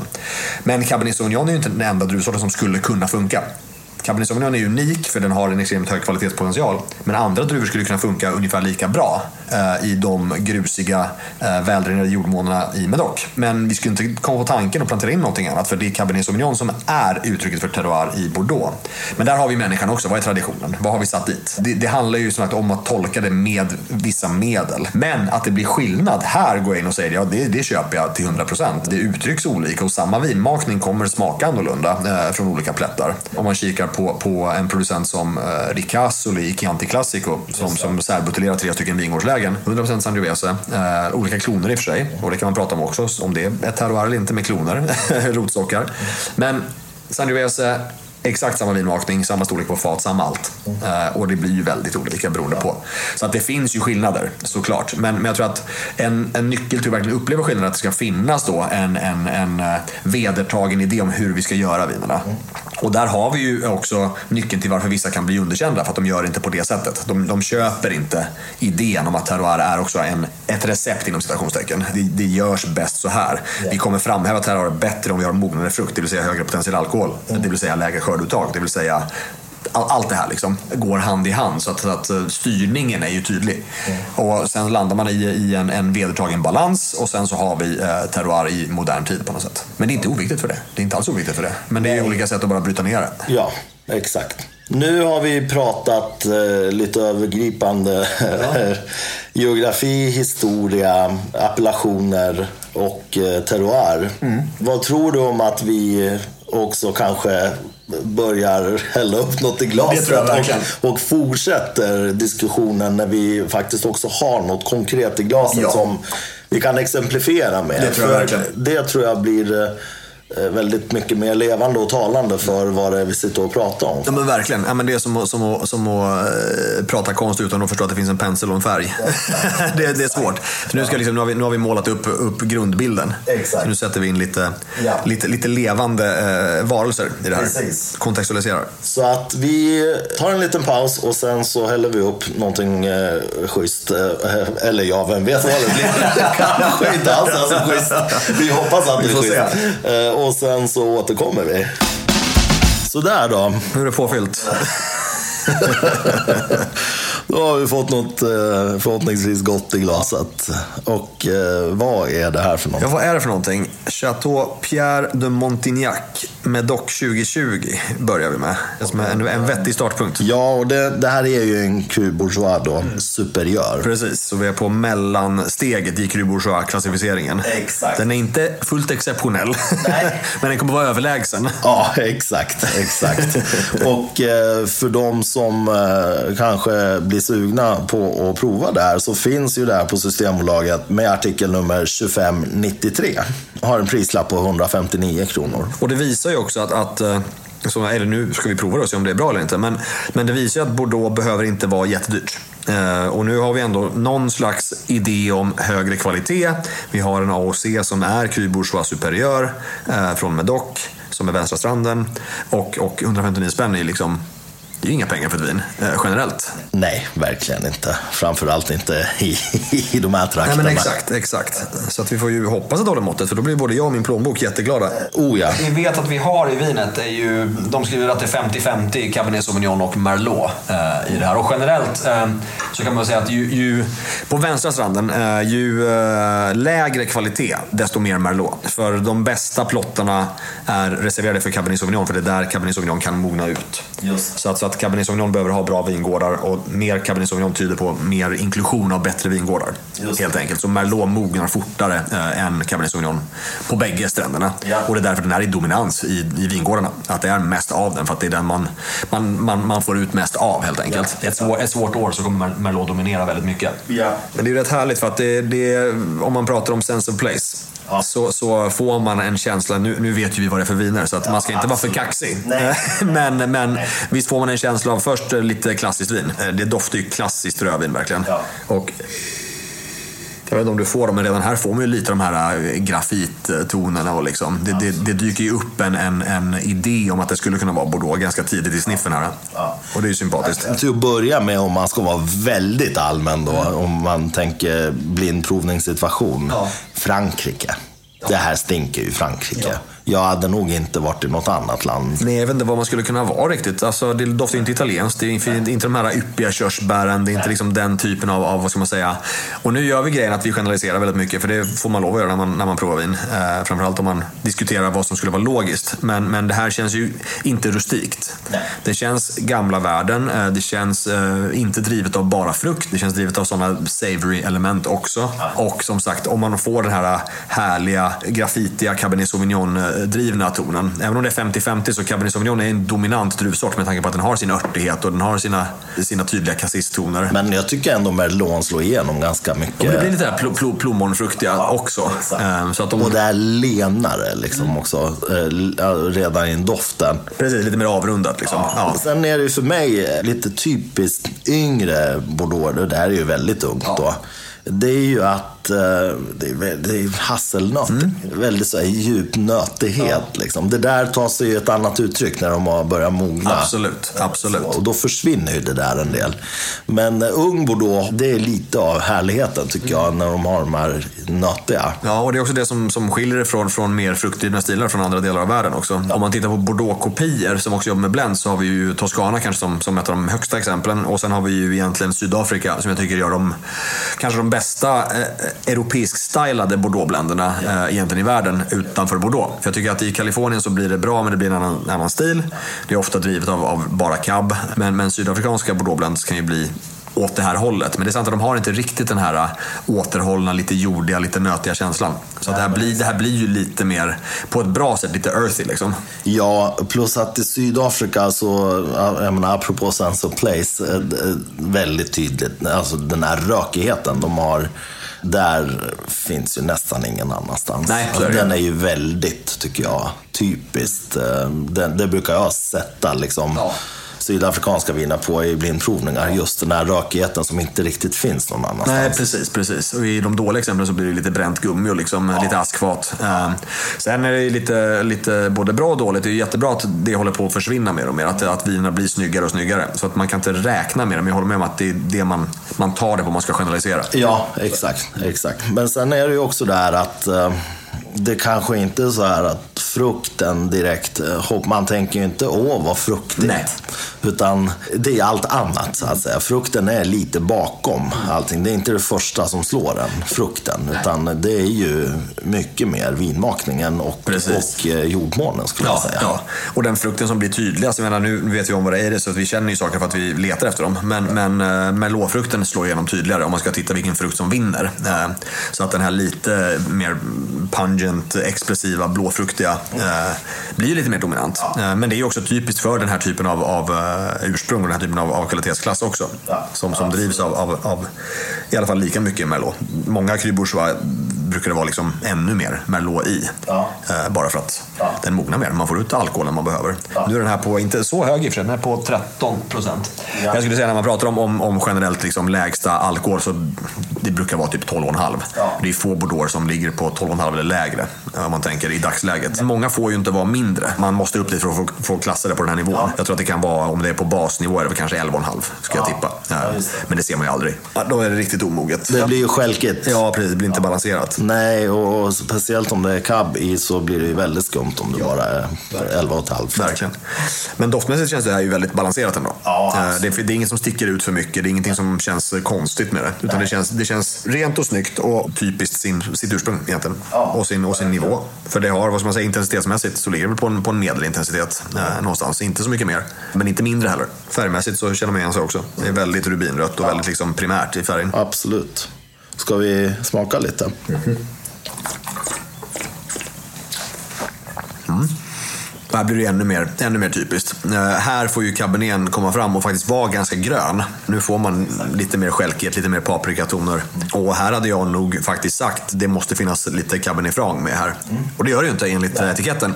Men, men det känns ju ganska grönt. Så här förstår man ju att det är inte fullmoget. Nej. Det behövs 50 Merlot för att runda till det. Men, men munkänslan är ju väldigt så. Den, är, den, den får här väldigt, väldigt slanka, det här torra avslutet. som jag tycker är synonymt med, med, med Bordeaux, framförallt vänstra stranden. Mm. Att det verkligen torkar ihop i finishen. Det är väldigt torra tanniner. Ja, precis. Inte superlång. Nej, det är den inte. Den uh, tackar för sig ganska snabbt. Ja, men precis. Den packar inte upp tandborsten. Nej. Den, den, den har någonstans att vara. Ja, exakt. Nej, men det är liksom 159 spänn, Cry Bourgeois, Superiör. Den gör ju vad den ska. Den, det är ingen överleverans. Nej, det kan man inte säga. Den är väldigt enkel och, och eh, kort som sagt och är ju väldigt lätt. Det här eh, är ju inget man behöver lagra i en källare i 25 år Nej. och tro att någonting magiskt kommer hända. Nej, men precis. Nej, men det här känns som att den, den, den är på den nivån den ska vara nu. Jag ser, jag ser ingen poäng att ens låta den ligga ett par år. Liksom. Nej, alltså, man kan väl göra av rent eh, experiment. Ja, den kommer ju inte krascha ihop. Nej, det kommer den inte. Jag tror att tanninerna kommer hålla ihop det här i alla fall fem år till. Ja.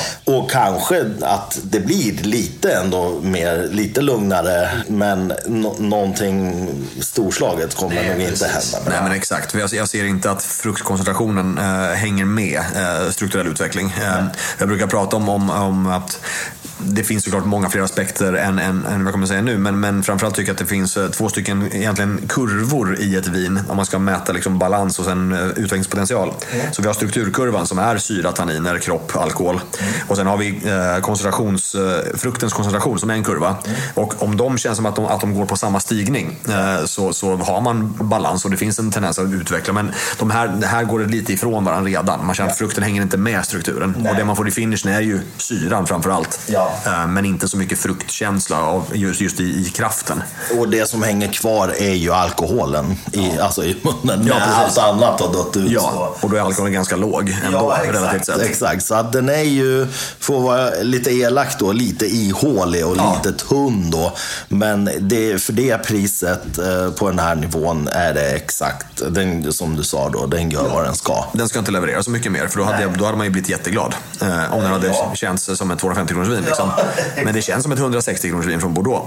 För det känns ju ändå, det som den har som, som, som motiverar prislappen är att den känns som att den kommer därifrån den kommer. Den har ju en, en tydlighet i sitt, i sitt, eh, språk, men den, den, pratar inte eh, med så stora ord. Ja, absolut. Sen är ju frågan liksom vad som kommer hända om man ger lite luft. Eh, jag, jag tror att kanske lite frukt kan komma fram. Ja, men det tror jag. Men, men... Det tror jag. Rent, rent, rent aromatiskt i profilen kommer det ju ja. hända grejer. Ja, bara nu så här känns det lite Eh, schysstare frukt eh, jämfört med när vi direkt hällde upp. Nej men alltså det är ju som sagt det är ju inget eh, osympatiskt vin på några villkor. Liksom för, för den pengen ligger det bra. Men det, det är om man tänker sig att man köper en Bordeaux för 159 för ett storverk. Det kanske en del kommer sakna är just lite mer frukt Ja. Eh, om, om det är det man förväntar sig.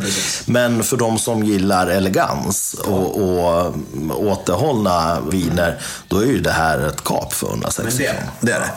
Och eh, någonstans är det också, det är en Bordeaux för folk som, som inte premierar ektoner. Exakt. För det här är ju väldigt lite ek-nyanser. Eh, det är ju inga nya fat det här så långt ögat når. Eh, utan det är ju lite gamla fat. Men jag skulle tippa att det här har nog legat eh, lite på ståltank också lagrat. Ja. För att det är ju frukten är det som man vill få fram, fräschör. Ja. Så att om det här hade fått ligga på lite, i lite mer oxidativ miljö så hade det ju eh, haft ännu mindre eh, frukt att prata om. Det, liksom, det, det, det, pigga, det lätta, det hade ju någonstans eh, rundats av ännu mer. Ja, jag får nästan liksom lite mer ceder ja, än, än ek. Det är lite mer det parfymerade eken. Ja, men jag håller med. Som man får, och det är ganska schysst egentligen. För att för mig är ceder en sån där not som brukar komma med, med lite mer ålder. Men jag tycker att eh, eken är, är, mer parfymerad ja. än, vad den, liksom, än vad man förväntar sig då. Nej men jättetrevligt vin. Ja men verkligen. Verkligen. Och, eh, och bra, bra början. Bra början och eh, allting som vi har sagt speglas i glaset ja. och eh, det levererar vad man förväntar sig. Ja men verkligen. Ja. verkligen. Ska vi vandra vidare? Det tycker jag. Jaha, då har vi ny vätska i glaset. Ja, precis. Nu har vi eh, Chateau Troncois Lalande från kommunen Saint-Estèphe. Så vi är på vänstra stranden fortfarande, men nu går vi snävare. Nu, nu, landar vi liksom eh, i eh, finrummet eh, lite mer. Det som är lite kul med Center Steff som ursprung är att det är ju det fulaste av finrummen. Egentligen om man, ska, om man ska vara fördomsfull mot det. Så det är kul. Men eh, utan att gå händelser i förväg, så 2016 års årgång och detta finns väl också att få tag på? Japp, det finns att få tag i. Och eh, på Systembolaget har det artikelnummer 92 451. 92451 och går loss på 449 riksdaler. Så nu landar vi lite mer klassisk Bordeauxprisbild kanske. Vi är inte, inte på det högre spannet eh, på några villkor. Men vi går ju upp lite grann. Om man ska titta på det rent ut, utan liksom dofta och smaka på det och, och, se varför det här är ett dyrare vin. Chateau står ju på alla viner. Det kan vara en husvagn, det spelar ingen roll. Det är, Chateau är, det är ett löst begrepp, det har vi pratat om. Eh, men det som gör att det här vinet eh, blir dyrare, för det första så står det Saint Estef. För det andra står det 2016, vilket var en jättefin årgång. Och det här är då ett vin som har fått lagras lite på sin flaska, antagligen på slottet rimligtvis. Eller hos importören ifall de inte kunde sälja. Men det är ju, jag tror inte att det är så. Jag tror att man får köpa.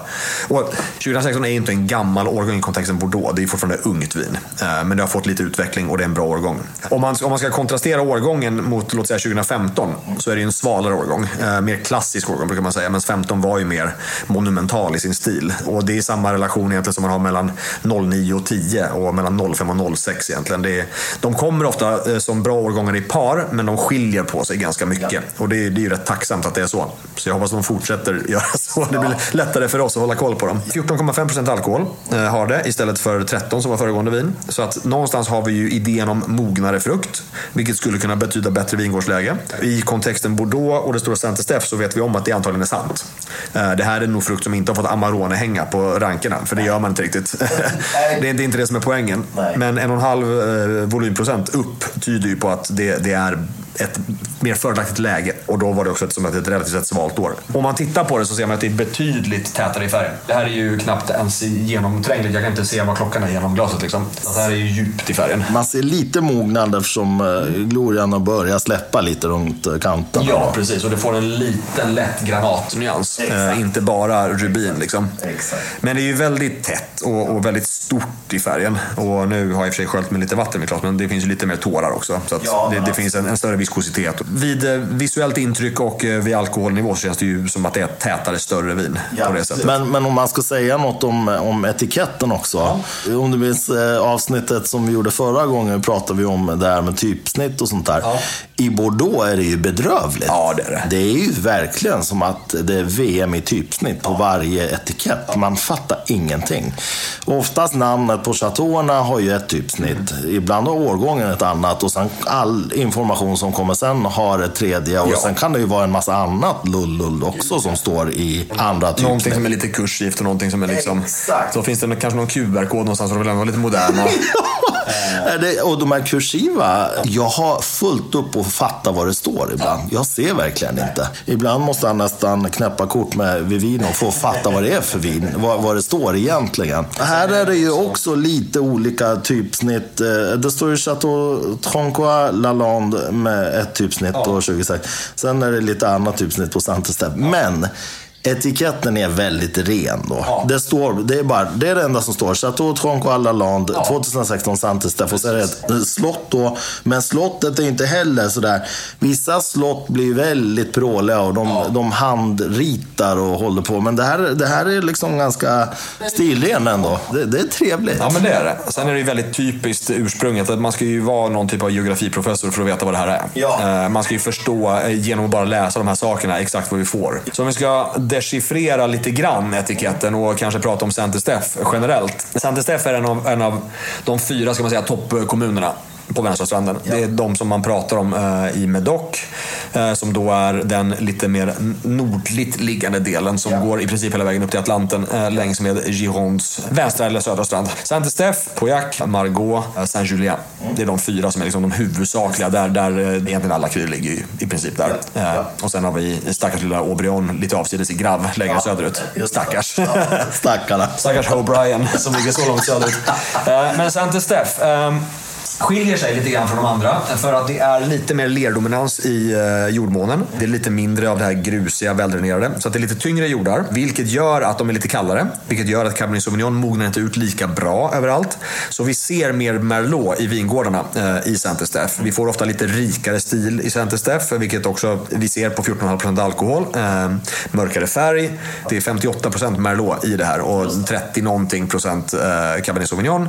Och sen så utgörs resten av Cabernet Franc och lite Petit Verdot. Petit Verdot är ju något som också ger mer mörker, mer struktur, mer liksom bett. Ja. Eh, men Cabernet Sauvignon är generellt i underläge procentmässigt gentemot Merlot i Saint-Estèphe. Och Saint-Estèphe, jag sa ju att det var lite som att vi det, det, det fulaste av finrummen. Saint-Estèphe har ett rykte om sig att vara lite mer rustikt, eh, lite mer animaliskt, lite mer liksom drivet åt, åt det djuriska eh, i, i, doft och smak. Lite mer grovhuggna tanniner. Lite intensivare på det sättet att det inte är lika elegant kanske som Pauillac eller, eller Margaux eller Saint-Julien.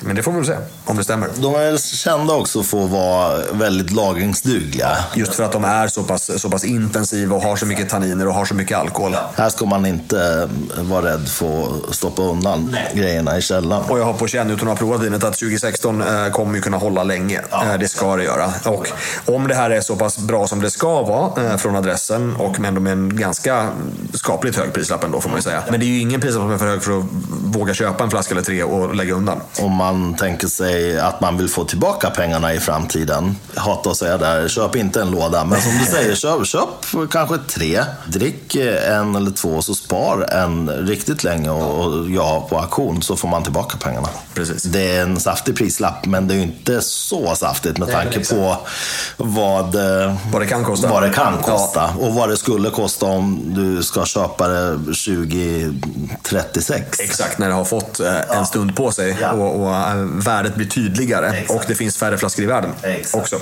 Ju mer som dricks upp, desto värdefullare blir det. Ja, så, så, att uh, utveckling prismässigt går inte så speciellt fort första fem åren. Men sen kan det börja hända. Ja, ja, oh ja. Ja. Mm. Nu har vi, det, det, är ju en annan liga. Ja. Det är det ju. Det är, det, är, så det är samma spelplan, men det här är uppe i, uppe i mer seniordivision. Vi hade lite knattelag egentligen på första vinet om man ja. jämför. Det var ju väldigt enkelriktat. Ja. Här har vi ju lager som kommer direkt i näsan. Vad får du först? Direkt får jag mer syra i doften än vad jag fick eh, förut. Och den här hasselnöten som jag fick, den får jag inte alls här då. Utan här är det ju, det är snarare liksom lite kryddigare. Precis. Jag tycker man känner ju, eh, dels ju intensiteten på doften betydligt större. Ja. Så här går vi upp på en, en mer högintensitetsvinare. Ja. Men, men eh, jag håller med om att, att det känns som att frukten både är mer utvecklad men också att den känns ganska pigg. Ja. Men det är inte frukt man känner först, utan det är ju krydda. Och framförallt får man ju mer fatkaraktär här. Och jag, tyck, jag tyckte mig se eh, på någon typ av hemsida att det var 30% nya fat på det här. Okay. Och när vi snackar fat så snackar vi ju barrique. Eh, om vi är undantagen är något annat. Men generellt så är det 225 liters fat. Det känns som att det kanske de är lite medium toast liksom. Ja, det är inte jätterostad känsla. Det är liksom inte där brända kaffe. Nej men exakt, exakt. Inte, liksom, inte rostad choklad och sådana saker. Det, det, det, finns en, snarare en kryddkänsla, man får lite vanilj. Man får liksom, ja. Det är ganska finstämt ändå. Det är ganska elegant i doften. Det känns väldigt klassiskt. Ja, absolut. Så finns det en liten, liten stallighet. Och det är ju Saint-Estèphe. Det kan man förvänta sig. På tal om som sagt vad etiketten kan ge en för ledtrådar i vad det ska kunna smaka i glaset. Gillar man det, som är lite, det är elegant men det finns en liten rustik elegant eh, touch. Då är ju Saint-Estèphe en bra adress. Och sen eh, typiska, för mig, liksom, ska grovdra, Bordeaux tobak. Alltså jag får alltid, den här tobaken är ju väldigt närvarande i doften. Så. Ja, det händer ju absolut mer grejer.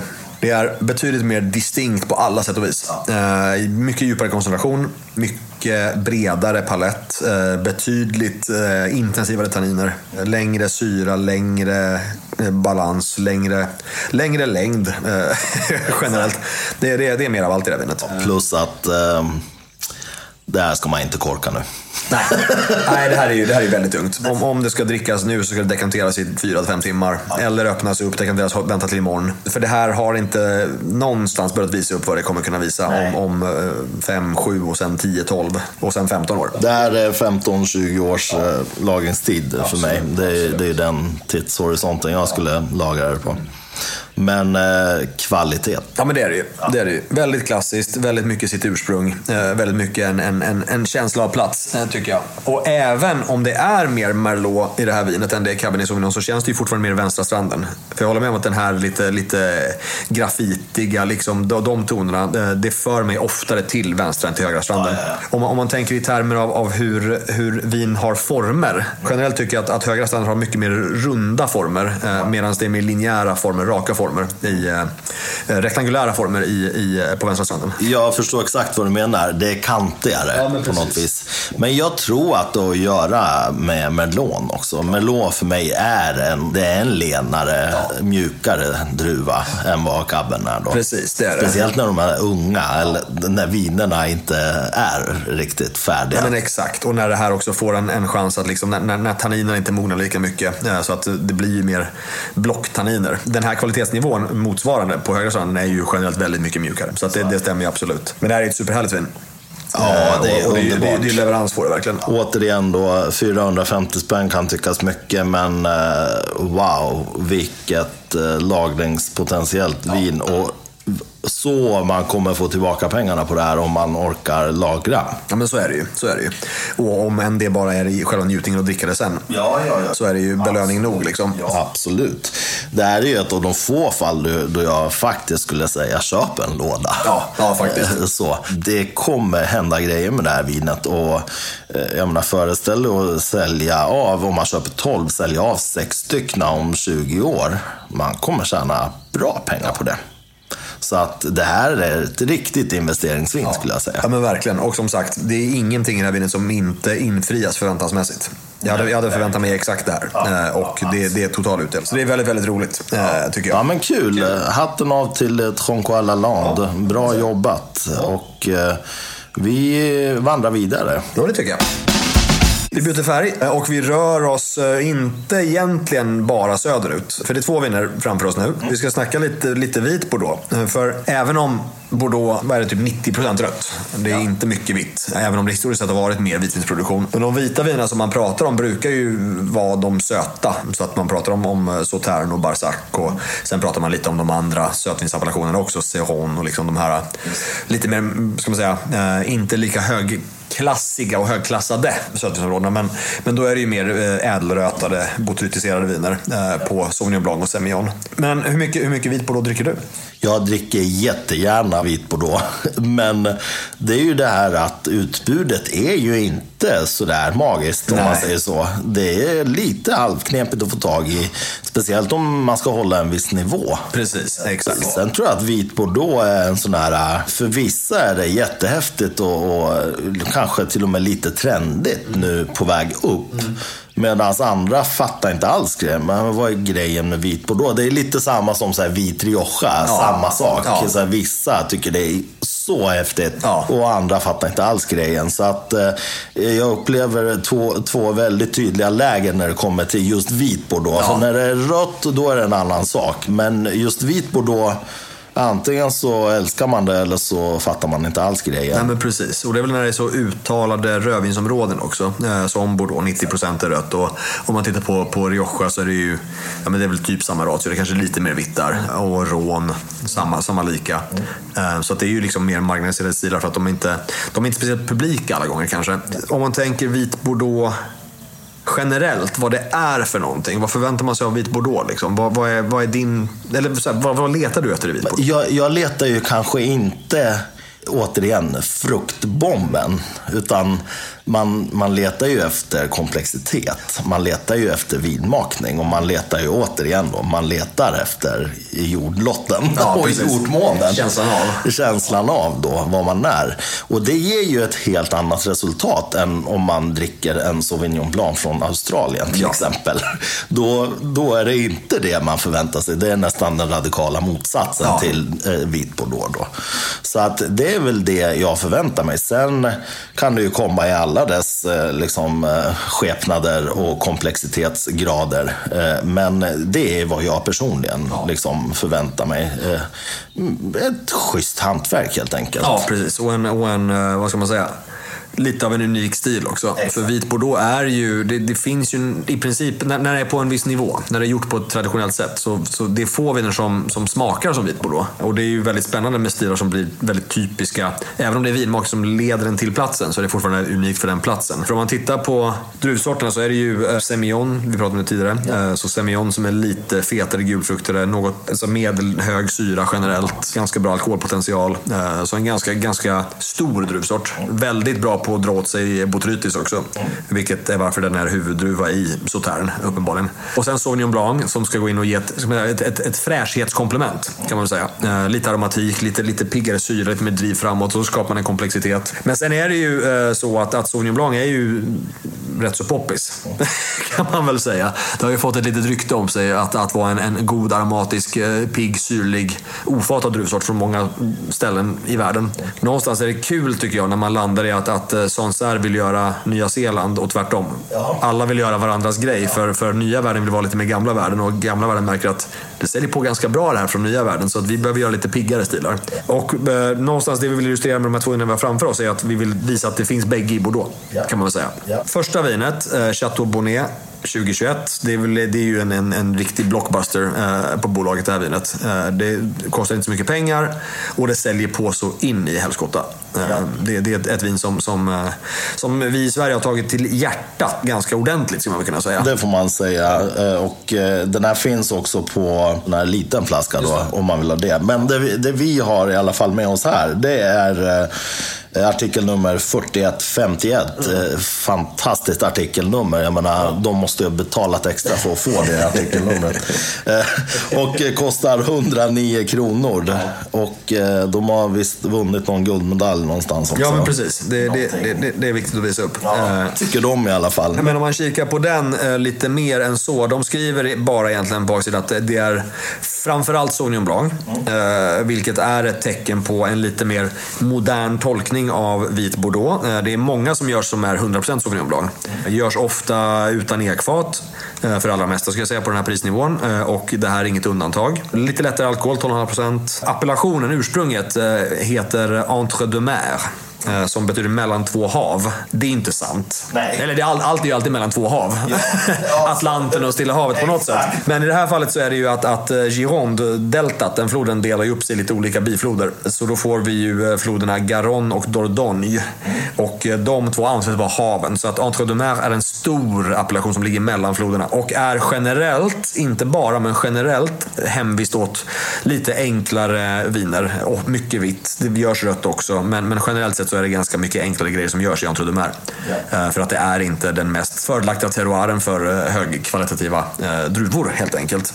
Så att man får Sauvignon Blanc som inte mognar ut supermycket, som blir väldigt pigg, superaromatisk generellt och liksom blir Sauvignon Blancig och mindre Bordeauxig är väl egentligen grejen med, med ett vin som Chateau Bonnet. Och i glas två så ska vi kontrastera det.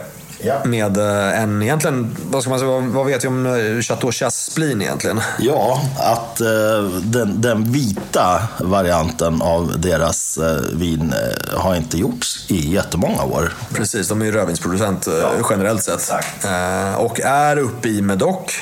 Så egentligen, vit, alltså de, de, de mest klassiska vita bordeauxerna kommer från en region som heter Pessac-Léognan. Där har vi ja, men, hus som eh, Smith Haute Lafitte och liksom, eh, det, det, gänget, Chateau Carbonieux. Eh, många av dem som är väldigt, väldigt kända för de vita. Eh, de gör också rött generellt, men de är mer kända för de vita. För Pessac har blivit en sån enklav för kvalitetsproduktion av vita viner. Chasplin kommer inte därifrån. De är uppifrån Medoc, från en, en liten, eh, ska, man, ska vi kalla det för en liten satellit eh, till Medoc som heter Moli on Medoc. Det ligger ganska nära Margaux är det väl? Ja, precis. Så det är liksom, det ligger i Medoc i, i, ja, nära hjärtlandet, men de ligger lite längre från, från floden.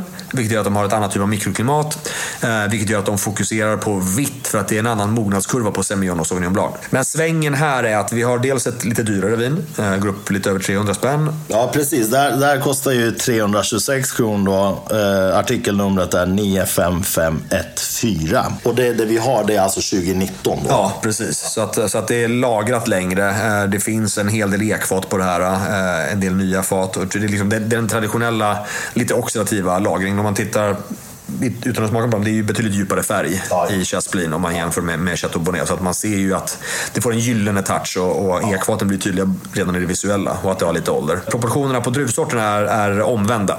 Eh, Så att vi, vi jobbar in säkerligen lite drygt 60% Semillon och resten Sauvignon Blanc. Och 1% läste jag Muscadel. Den kommer vi känna tydligt. Ja, precis. Det är 57% Semillon, 42% Sauvignon Blanc och 1% Muscadet. Så att en, en, en mer klassisk stil helt enkelt. Så att vi har lite new school, lite publikare är tanken. Och sen har vi lite old school, lite mer komplexitet får vi förvänta oss. Exakt. Och får vi inte det med den prisskillnaden så blir jag lite besviken. Ja, då lämnar jag tillbaka flaskorna. Väl bara hoppa in i. Ja, absolut. Då börjar vi alltså med Chateau Bonnet. Ja. Axel av André Lurton. Precis. Som gick och dog här. André dog för något par år sedan. Ja, 2019. Ja, precis. Blev ändå väldigt gammal. Ja, det blev han. Stor drake i, i Bordeaux-kontexten. Exakt. Familjen äger en jäkla massa olika slott. Exakt. De ligger ju bakom Coins Lurton och uh, Rochemorin och, Exakt. och de här, må- många domäner. De har någon domän uppe i Margaux också, men jag minns inte vad den heter. Men Chateau Bonnet är, är själva grundslottet. Det är där familjen bor och, och André Lurton föddes där och Precis. dog där. Och liksom, han, det, det, familjelegacyn är verkligen det slottet. Ja. Jag har faktiskt ätit lunch med André Lurton Är det sant? Ja, vad kul. det var spännande. Ja. Eh, väldigt formellt eh, var det. Eh, väldigt, väldigt stor sal att äta, äta lunch i. Det kändes ganska stelt faktiskt. Det var, det var som på film så här. Ni satt på varsitt ända av ett jättelångt bord och du hörde knappt vad han sa. Ett, ett gäng väldigt unga svenska sommelierer som var nybakade och liksom fick åka dit på någon slags prisresa. Och, ja, det var, så vi var ju lite blyga också. Ja, det förstår jag. Det förstår jag. Hur gammal var han? Var han jätte... Då var han redan då var han gammal. Detta var 2010. Så det var ju inte liksom jätte, jättelänge sedan. Nej. Men, men eh, nej, han, var, han var till åren redan då. Ja, men spännande ändå. Men doftmässigt så är det ju, det skriker ju Sauvignon Blanc. Det, det är väldigt mycket, mycket om, vi, om vi pratar om, om eh, sense of place på det här vinet så, så får vi, vi får sense of variety. Jag skulle precis säga att eh, om jag hade fått det blint, den här kattpisshalten i doften hade ju lika gärna kunnat placera mig på Nya Zeeland. Ja. Eller var, var som helst. Precis, det är ett vin som, som, som har en stark identitet av druvsort. Men att, att sätta det blint någonstans. Hade varit knepigt. Ja. Kanske att det saknar, om man ska jämföra liksom Nya Zeeland och Australien där, att eh, den, är, den är ändå lite elegantare. Den, har, den är inte lika skrikig. Inte lika extrovert. Nej, exakt. Och eh, kanske inte lika fruktig i doften ändå. Nej men precis, där, alltså där får vi ju viner som är i kubik och kvadrat och liksom upphöjt till 100. Ja. Verkligen. Det, det är så mycket av allt i de vinerna. Och de får ju de extremt tydliga frukttonerna på Nya Zeeland, men även Australien. Det har att göra med, med ozonlagrets tunnhet. Så att det, UV-strålningen påverkar molekylsammansättningen så att det blir extrema fruktsmaker. Eh, Malbec i Argentina, samma sak. Mycket, mycket mer fruktdrivet. Eh, och högre höjd där också såklart, så det påverkar ju. Men här blir men, men ja, jag, jag håller med om att det här är inte fullt så extrovert, men det är ju det är mycket druva.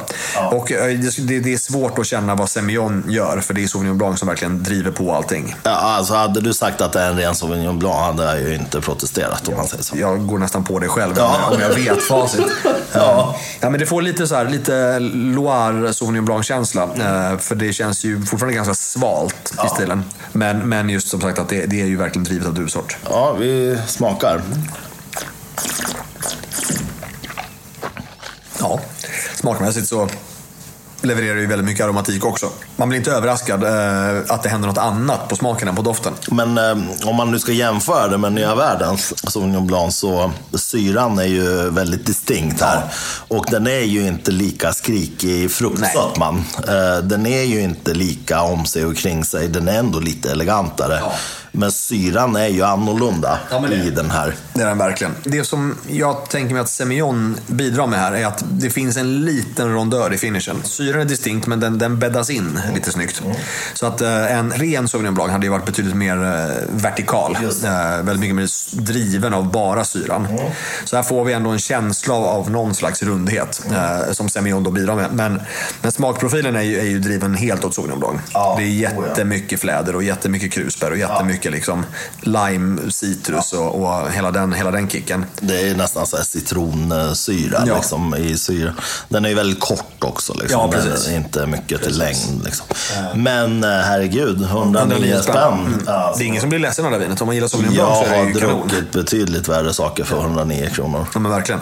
verkligen. Och det är väl så med en, en producent som är så, här, så pass stor att de kan ju jobba mycket med gungor och karuseller och liksom hålla nere priserna.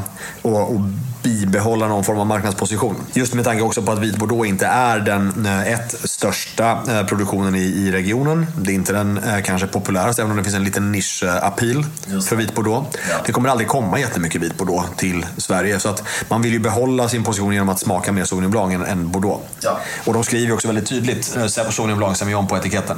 Ja. Vilket ju Chasplin absolut inte gör. De skriver jättemånga andra saker på sin etikett. Men de skriver inte druvsort eh, alls. Utan det ska man snarare veta. Men, men man marknadsför druvsort väldigt mycket tydligare på Chateau Bonnet. Om de bara hade tagit bort den här bedrövliga guldmedaljflärpen som sitter där. Bara därför hade jag inte köpt det här vinet. Sen är det ganska okej. Ja, men det är stilrent. Och de har en slott på etiketten som också finns i verkligheten.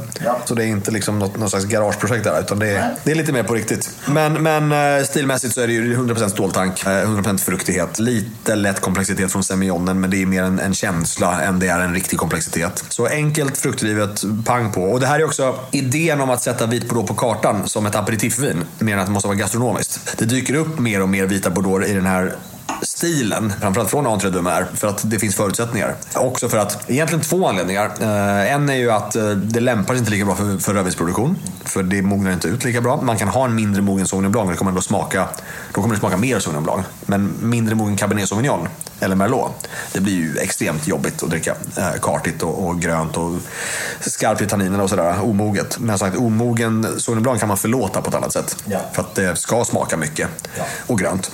Men sen är det ju också för att vi ser ju en, eh, inte längre sjunkande popularitet för söta viner, men den är inte den högsta den har varit. De söta vinerna är inte så poppis, men man har massa vita druvor som man vill göra saker med. Så produktionen av, av eh, torra eh, bordsviner i eh, Sautern, eller där i krokarna, i Grav, eh, som, som eh, delen av, av Bordeaux heter där, har ökat ganska ordentligt. För att vad ska man göra med sina fina vingårdar om ingen vill dricka sött? Ja, men då gör vi, fokuserar vi på, på, på torrt och, och stilla bordsvin. Ehm, och då blev det lite mer poppis med vita viner och världen dricker mer vita viner. Så då tar man fasta på det i ursprung som Entre deux Mer och producerar vin på en nivå som många kan ta till sig också. Så att någonstans kanske man hjälper till att lyfta kategorin eh, vit bordeaux lite högre. Eh, och sen kanske folk vågar gå upp ett steg eller tre som det är nu upp till eh, Chasplin Blanc. Eh, vilket är ju spännande. Det där stämmer ju, om jag kollar på mig själv så stämmer det ju allt du sa precis. Jag tror problemet med söta viner är ju att tillfällena är ju inte så många när man jättegärna vill korka en stor flaska. Man måste ju vara ett hyggligt sällskap för att kunna tömma en sån flaska. De håller ju ganska bra i kylen om man öppnar den då. Så det är ju lugnt. Men det är ju fortfarande så när ska man dricka det där? Det är inte jätteofta man har jättebra tillfälle egentligen. Och hur ofta äter man en efterrätt som är liksom sådär att man skulle dra en bra söt Nej, vinare till. Liksom. Exakt, exakt. Så att det är ju egentligen bara bra att eh, de gör så här. Att de använder druvorna och faktiskt gör mer vitt av det då. Alltså tor torrare. Ja men precis. Och, och när man får så pass distinkta stilar att man kan ha kvalitetsnivåer som, som också är rimliga och som, som, som, som ger en trappa, precis som på röda sidan, så kan man hitta någon typ av konsument för det också. Men, men för oss två som ändå gillar de söta vinerna därifrån och som gillar söta viner lite generellt, även om jag köper det inte så ofta heller och det är svårt att hitta tillfällena.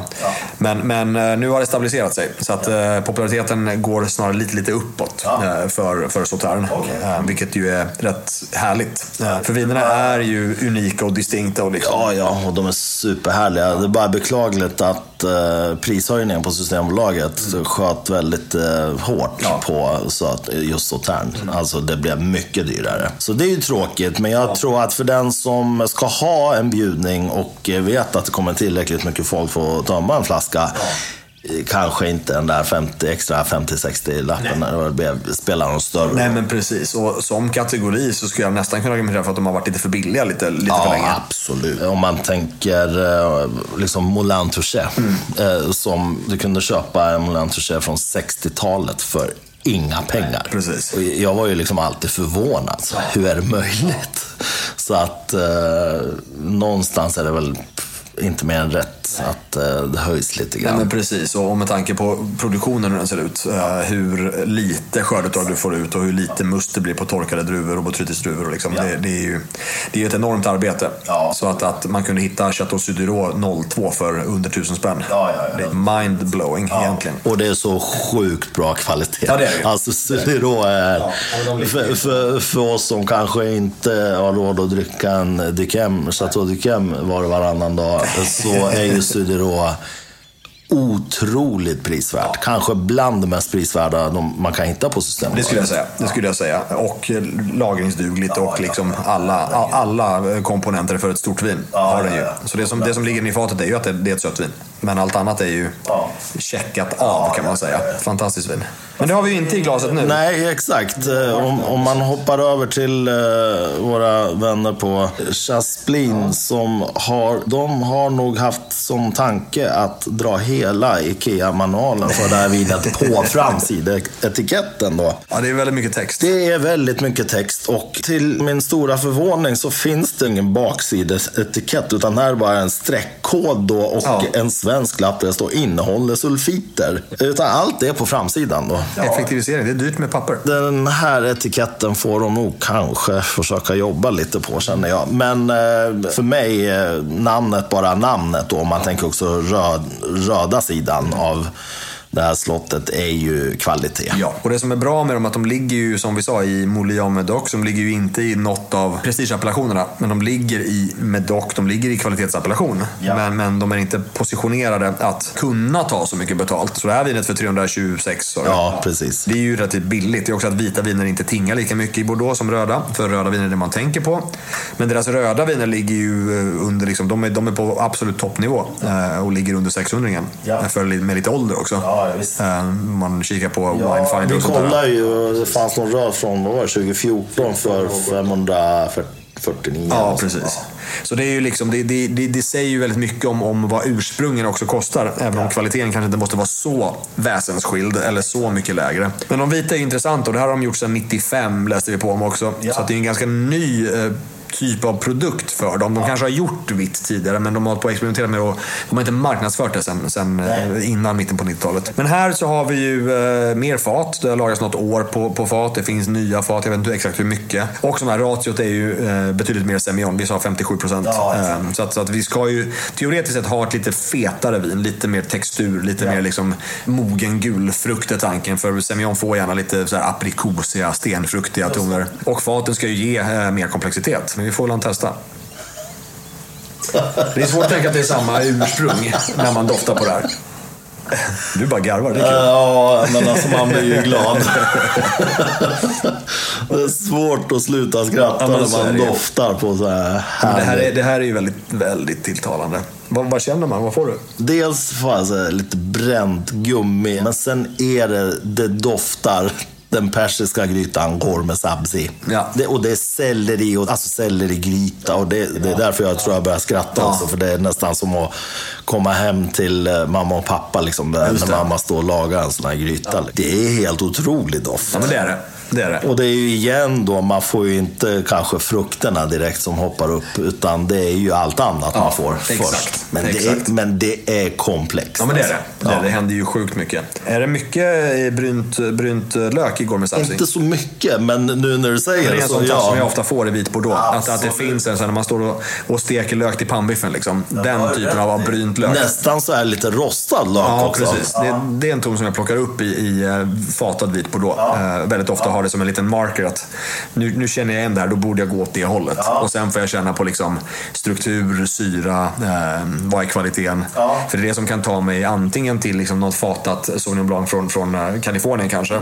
Och det finns en del som håller på med det på Nya Zeeland. Eh, Cloudy Bay gör ju sin Tecoco, som är en, en ren Sauvignon Blanc fast fatad. Så man får känna hur mycket semillon man tror att det är. Men, men, men det är ju väldigt komplext doft och frukten är ju fetare när man väl kommer under det här lagret av, av kryddiga, eleganta, lite, eh, vad ska man säga, exotiskt aromatiska fat. Du vet, vi pratade förra gången, eh, förra avsnittet eh, om eh, här nästan lite reduktiva Ja. noterna. Alltså lite så här kikert, eh, spad, alltså lite där, eh, ursäkta uttrycket, halvpruttiga. Men som är på ett väldigt härligt, jag älskar ju Ja, dem. nej, men det bidrar också till känslan av att det, det, det finns så många lager i det. Exakt. Och det här är ju ett vin som man kan sitta och dofta på under en väldigt lång period utan att bli trött på det. Ja, ja, och det här det kommer också hända grejer med luft eh, här. Absolut. Ska vi testa dricka då Det är också? väl lika bra.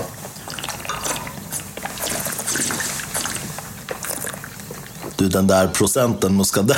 Den är extremt tydlig. Nu kanske jag efterkonstruerar för att jag vet om det här. Men det är ju en liten söt, inte liksom söt alls så att man tänker sött. Men det är något söt inslag i Ja, finishen. men det är det. Och det som jag känner där kan vara eh, lite muskadell-närvaro. Men det är också, för mig så är den exotiska frukten eh, som känns lite sötfruktig, det är passionsfrukt för mig. Det. Eh, och det är så, mogen Sauvignon Blanc ger det också. Men sen får man så mycket mer. Kroppen är så otroligt... Det är inte det fylligaste av viner. Det är åt medelfylligt. Ja.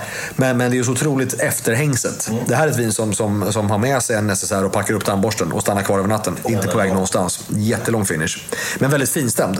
Ja. Det finns koncentration, men det finns också väldigt mycket harmoni. Alkoholmässigt så borde det inte vara så mycket högre än 13-ish, tänker jag. Står 13 på etiketten, så det är liksom inte, inte moget och rikt på det sättet. Så det är fräscht. Ja, oh men, ja. men nyanserna i det och hur faten spelar med frukten och, och hur frukten kommer fram på smaken också, men inte gör på doften riktigt. Så det är ju väldigt precis, väldigt rent. Det är ett vin som, som gör en resa genom munnen eh, på ett sätt, in i finishen. Att det är väldigt linjärt på det sättet. Ja, absolut. Men den har bredden också liksom, på något vis. Den lägger sig lite brett på paletten också. Nej, men Semillon vill ju gärna bre ut sig lite grann. Eh, Men inte mer åt det medelfylliga. Men det, det finns ju mycket, mycket mer än, än Sauvignon Blanc-aromatik i det här vinet. Otroligt härligt. Och den här kryddigheten som också blir lite nästan krämig på finishen. Faten är ju väldigt välintegrerade. Och, och nya fat mot aromatiska druvor. Eh, jag brukar inte alltid vara en, en stark förespråkare av det. Nej. Men i det här fallet så funkar det så bra för att det lägger sig och liksom lyfter frukten till en... Det blir en annan smakdimension på det. Jag tror att lyssnarna märker att vi gillar det här vinet. det är rätt tydligt. kommer sluta med att om tre timmar sitter vi fortfarande här och pratar om det här vinet och glömmer helt bort vad det var vi skulle göra. Vad säger man på engelska? Wax poetic, Ja, brukar man säga. det. Det är det vi håller på med nu med det här Ja, vinet. nu är det jättedumt att kanske ens jämföra de här två vinerna på det sättet. Men eh, jämfört med, med Bonnet då, så syran där var ju verkligen citronsyra. Alltså det var, den hoppade ju på en och sen, och sen dog den bort. Ja. Den här syran är ju mycket rundare, alltså mycket elegantare, kontrollerad. Det är inte alls citron. Det är mycket mer elegans i det här. Ja, men det är det. Och, och det som jag skulle tippa, utan att ha läst på om det, är att, att uh, Chateau Bonnet har inte gått igenom malolaktisk eh, fermentering och, och eh, den här Chasplen har gjort det. Ja. Men, men att få det här för, tre- för eh, 330 spänn, liksom, det, det tycker jag är ett, det, det är ett stort vin för inte så mycket pengar. Och det är samma sak här. Lagerdugligt. Förlåt tipset, men köp en låda till. Ja. Folk kommer bli fattiga efter det här avsnittet. det, det är typiskt. Här får man pengarna tillbaka och det här kommer ju bli jättehärligt med ålder. När det kommer plocka fram alla sina liksom, mer, mer florala toner, mer honungstoner. Eh, Det kommer bre ut sig lite mer i munnen. Eh, Men det kommer behålla fräschören länge. Ja, plus att de här eh, tertiära aromerna som kommer komma här kommer ju vara Ja, det kommer vara mumma. jättehärligt. Ja, verkligen. Och som sagt, vita, vita Bordeaux-viner är ju som sagt kvalitetsmässigt extremt hög potential. Att, att experimentera med det och köpa ett par flaskor, det är, inte, det är inte jättedyrt. Det är inte alla som älskar den här stilen. Eh, Jag känner många som tycker att vit Bordeaux är lite svårt. Ja. Just för att det är en kombination av det fatiga mot det aromatiska, det högsyrliga mot det lite feta. Men det är inte krävande. Jag tycker att, att andra vita eh, viner, typ vit rån, är ju betydligt mer krävande. Ja. Eh, För det blir också, då saknar man den här fräschören lite mer, syran som liksom driver igenom. Ja. Men det tog mig ett tag att vänja mig vid vit Bordeaux-stilen, men nu kan jag liksom inte vara utan den. Om vi säger så här, Chateau Bonnet för mig, det, det är ingen vit bordeaux.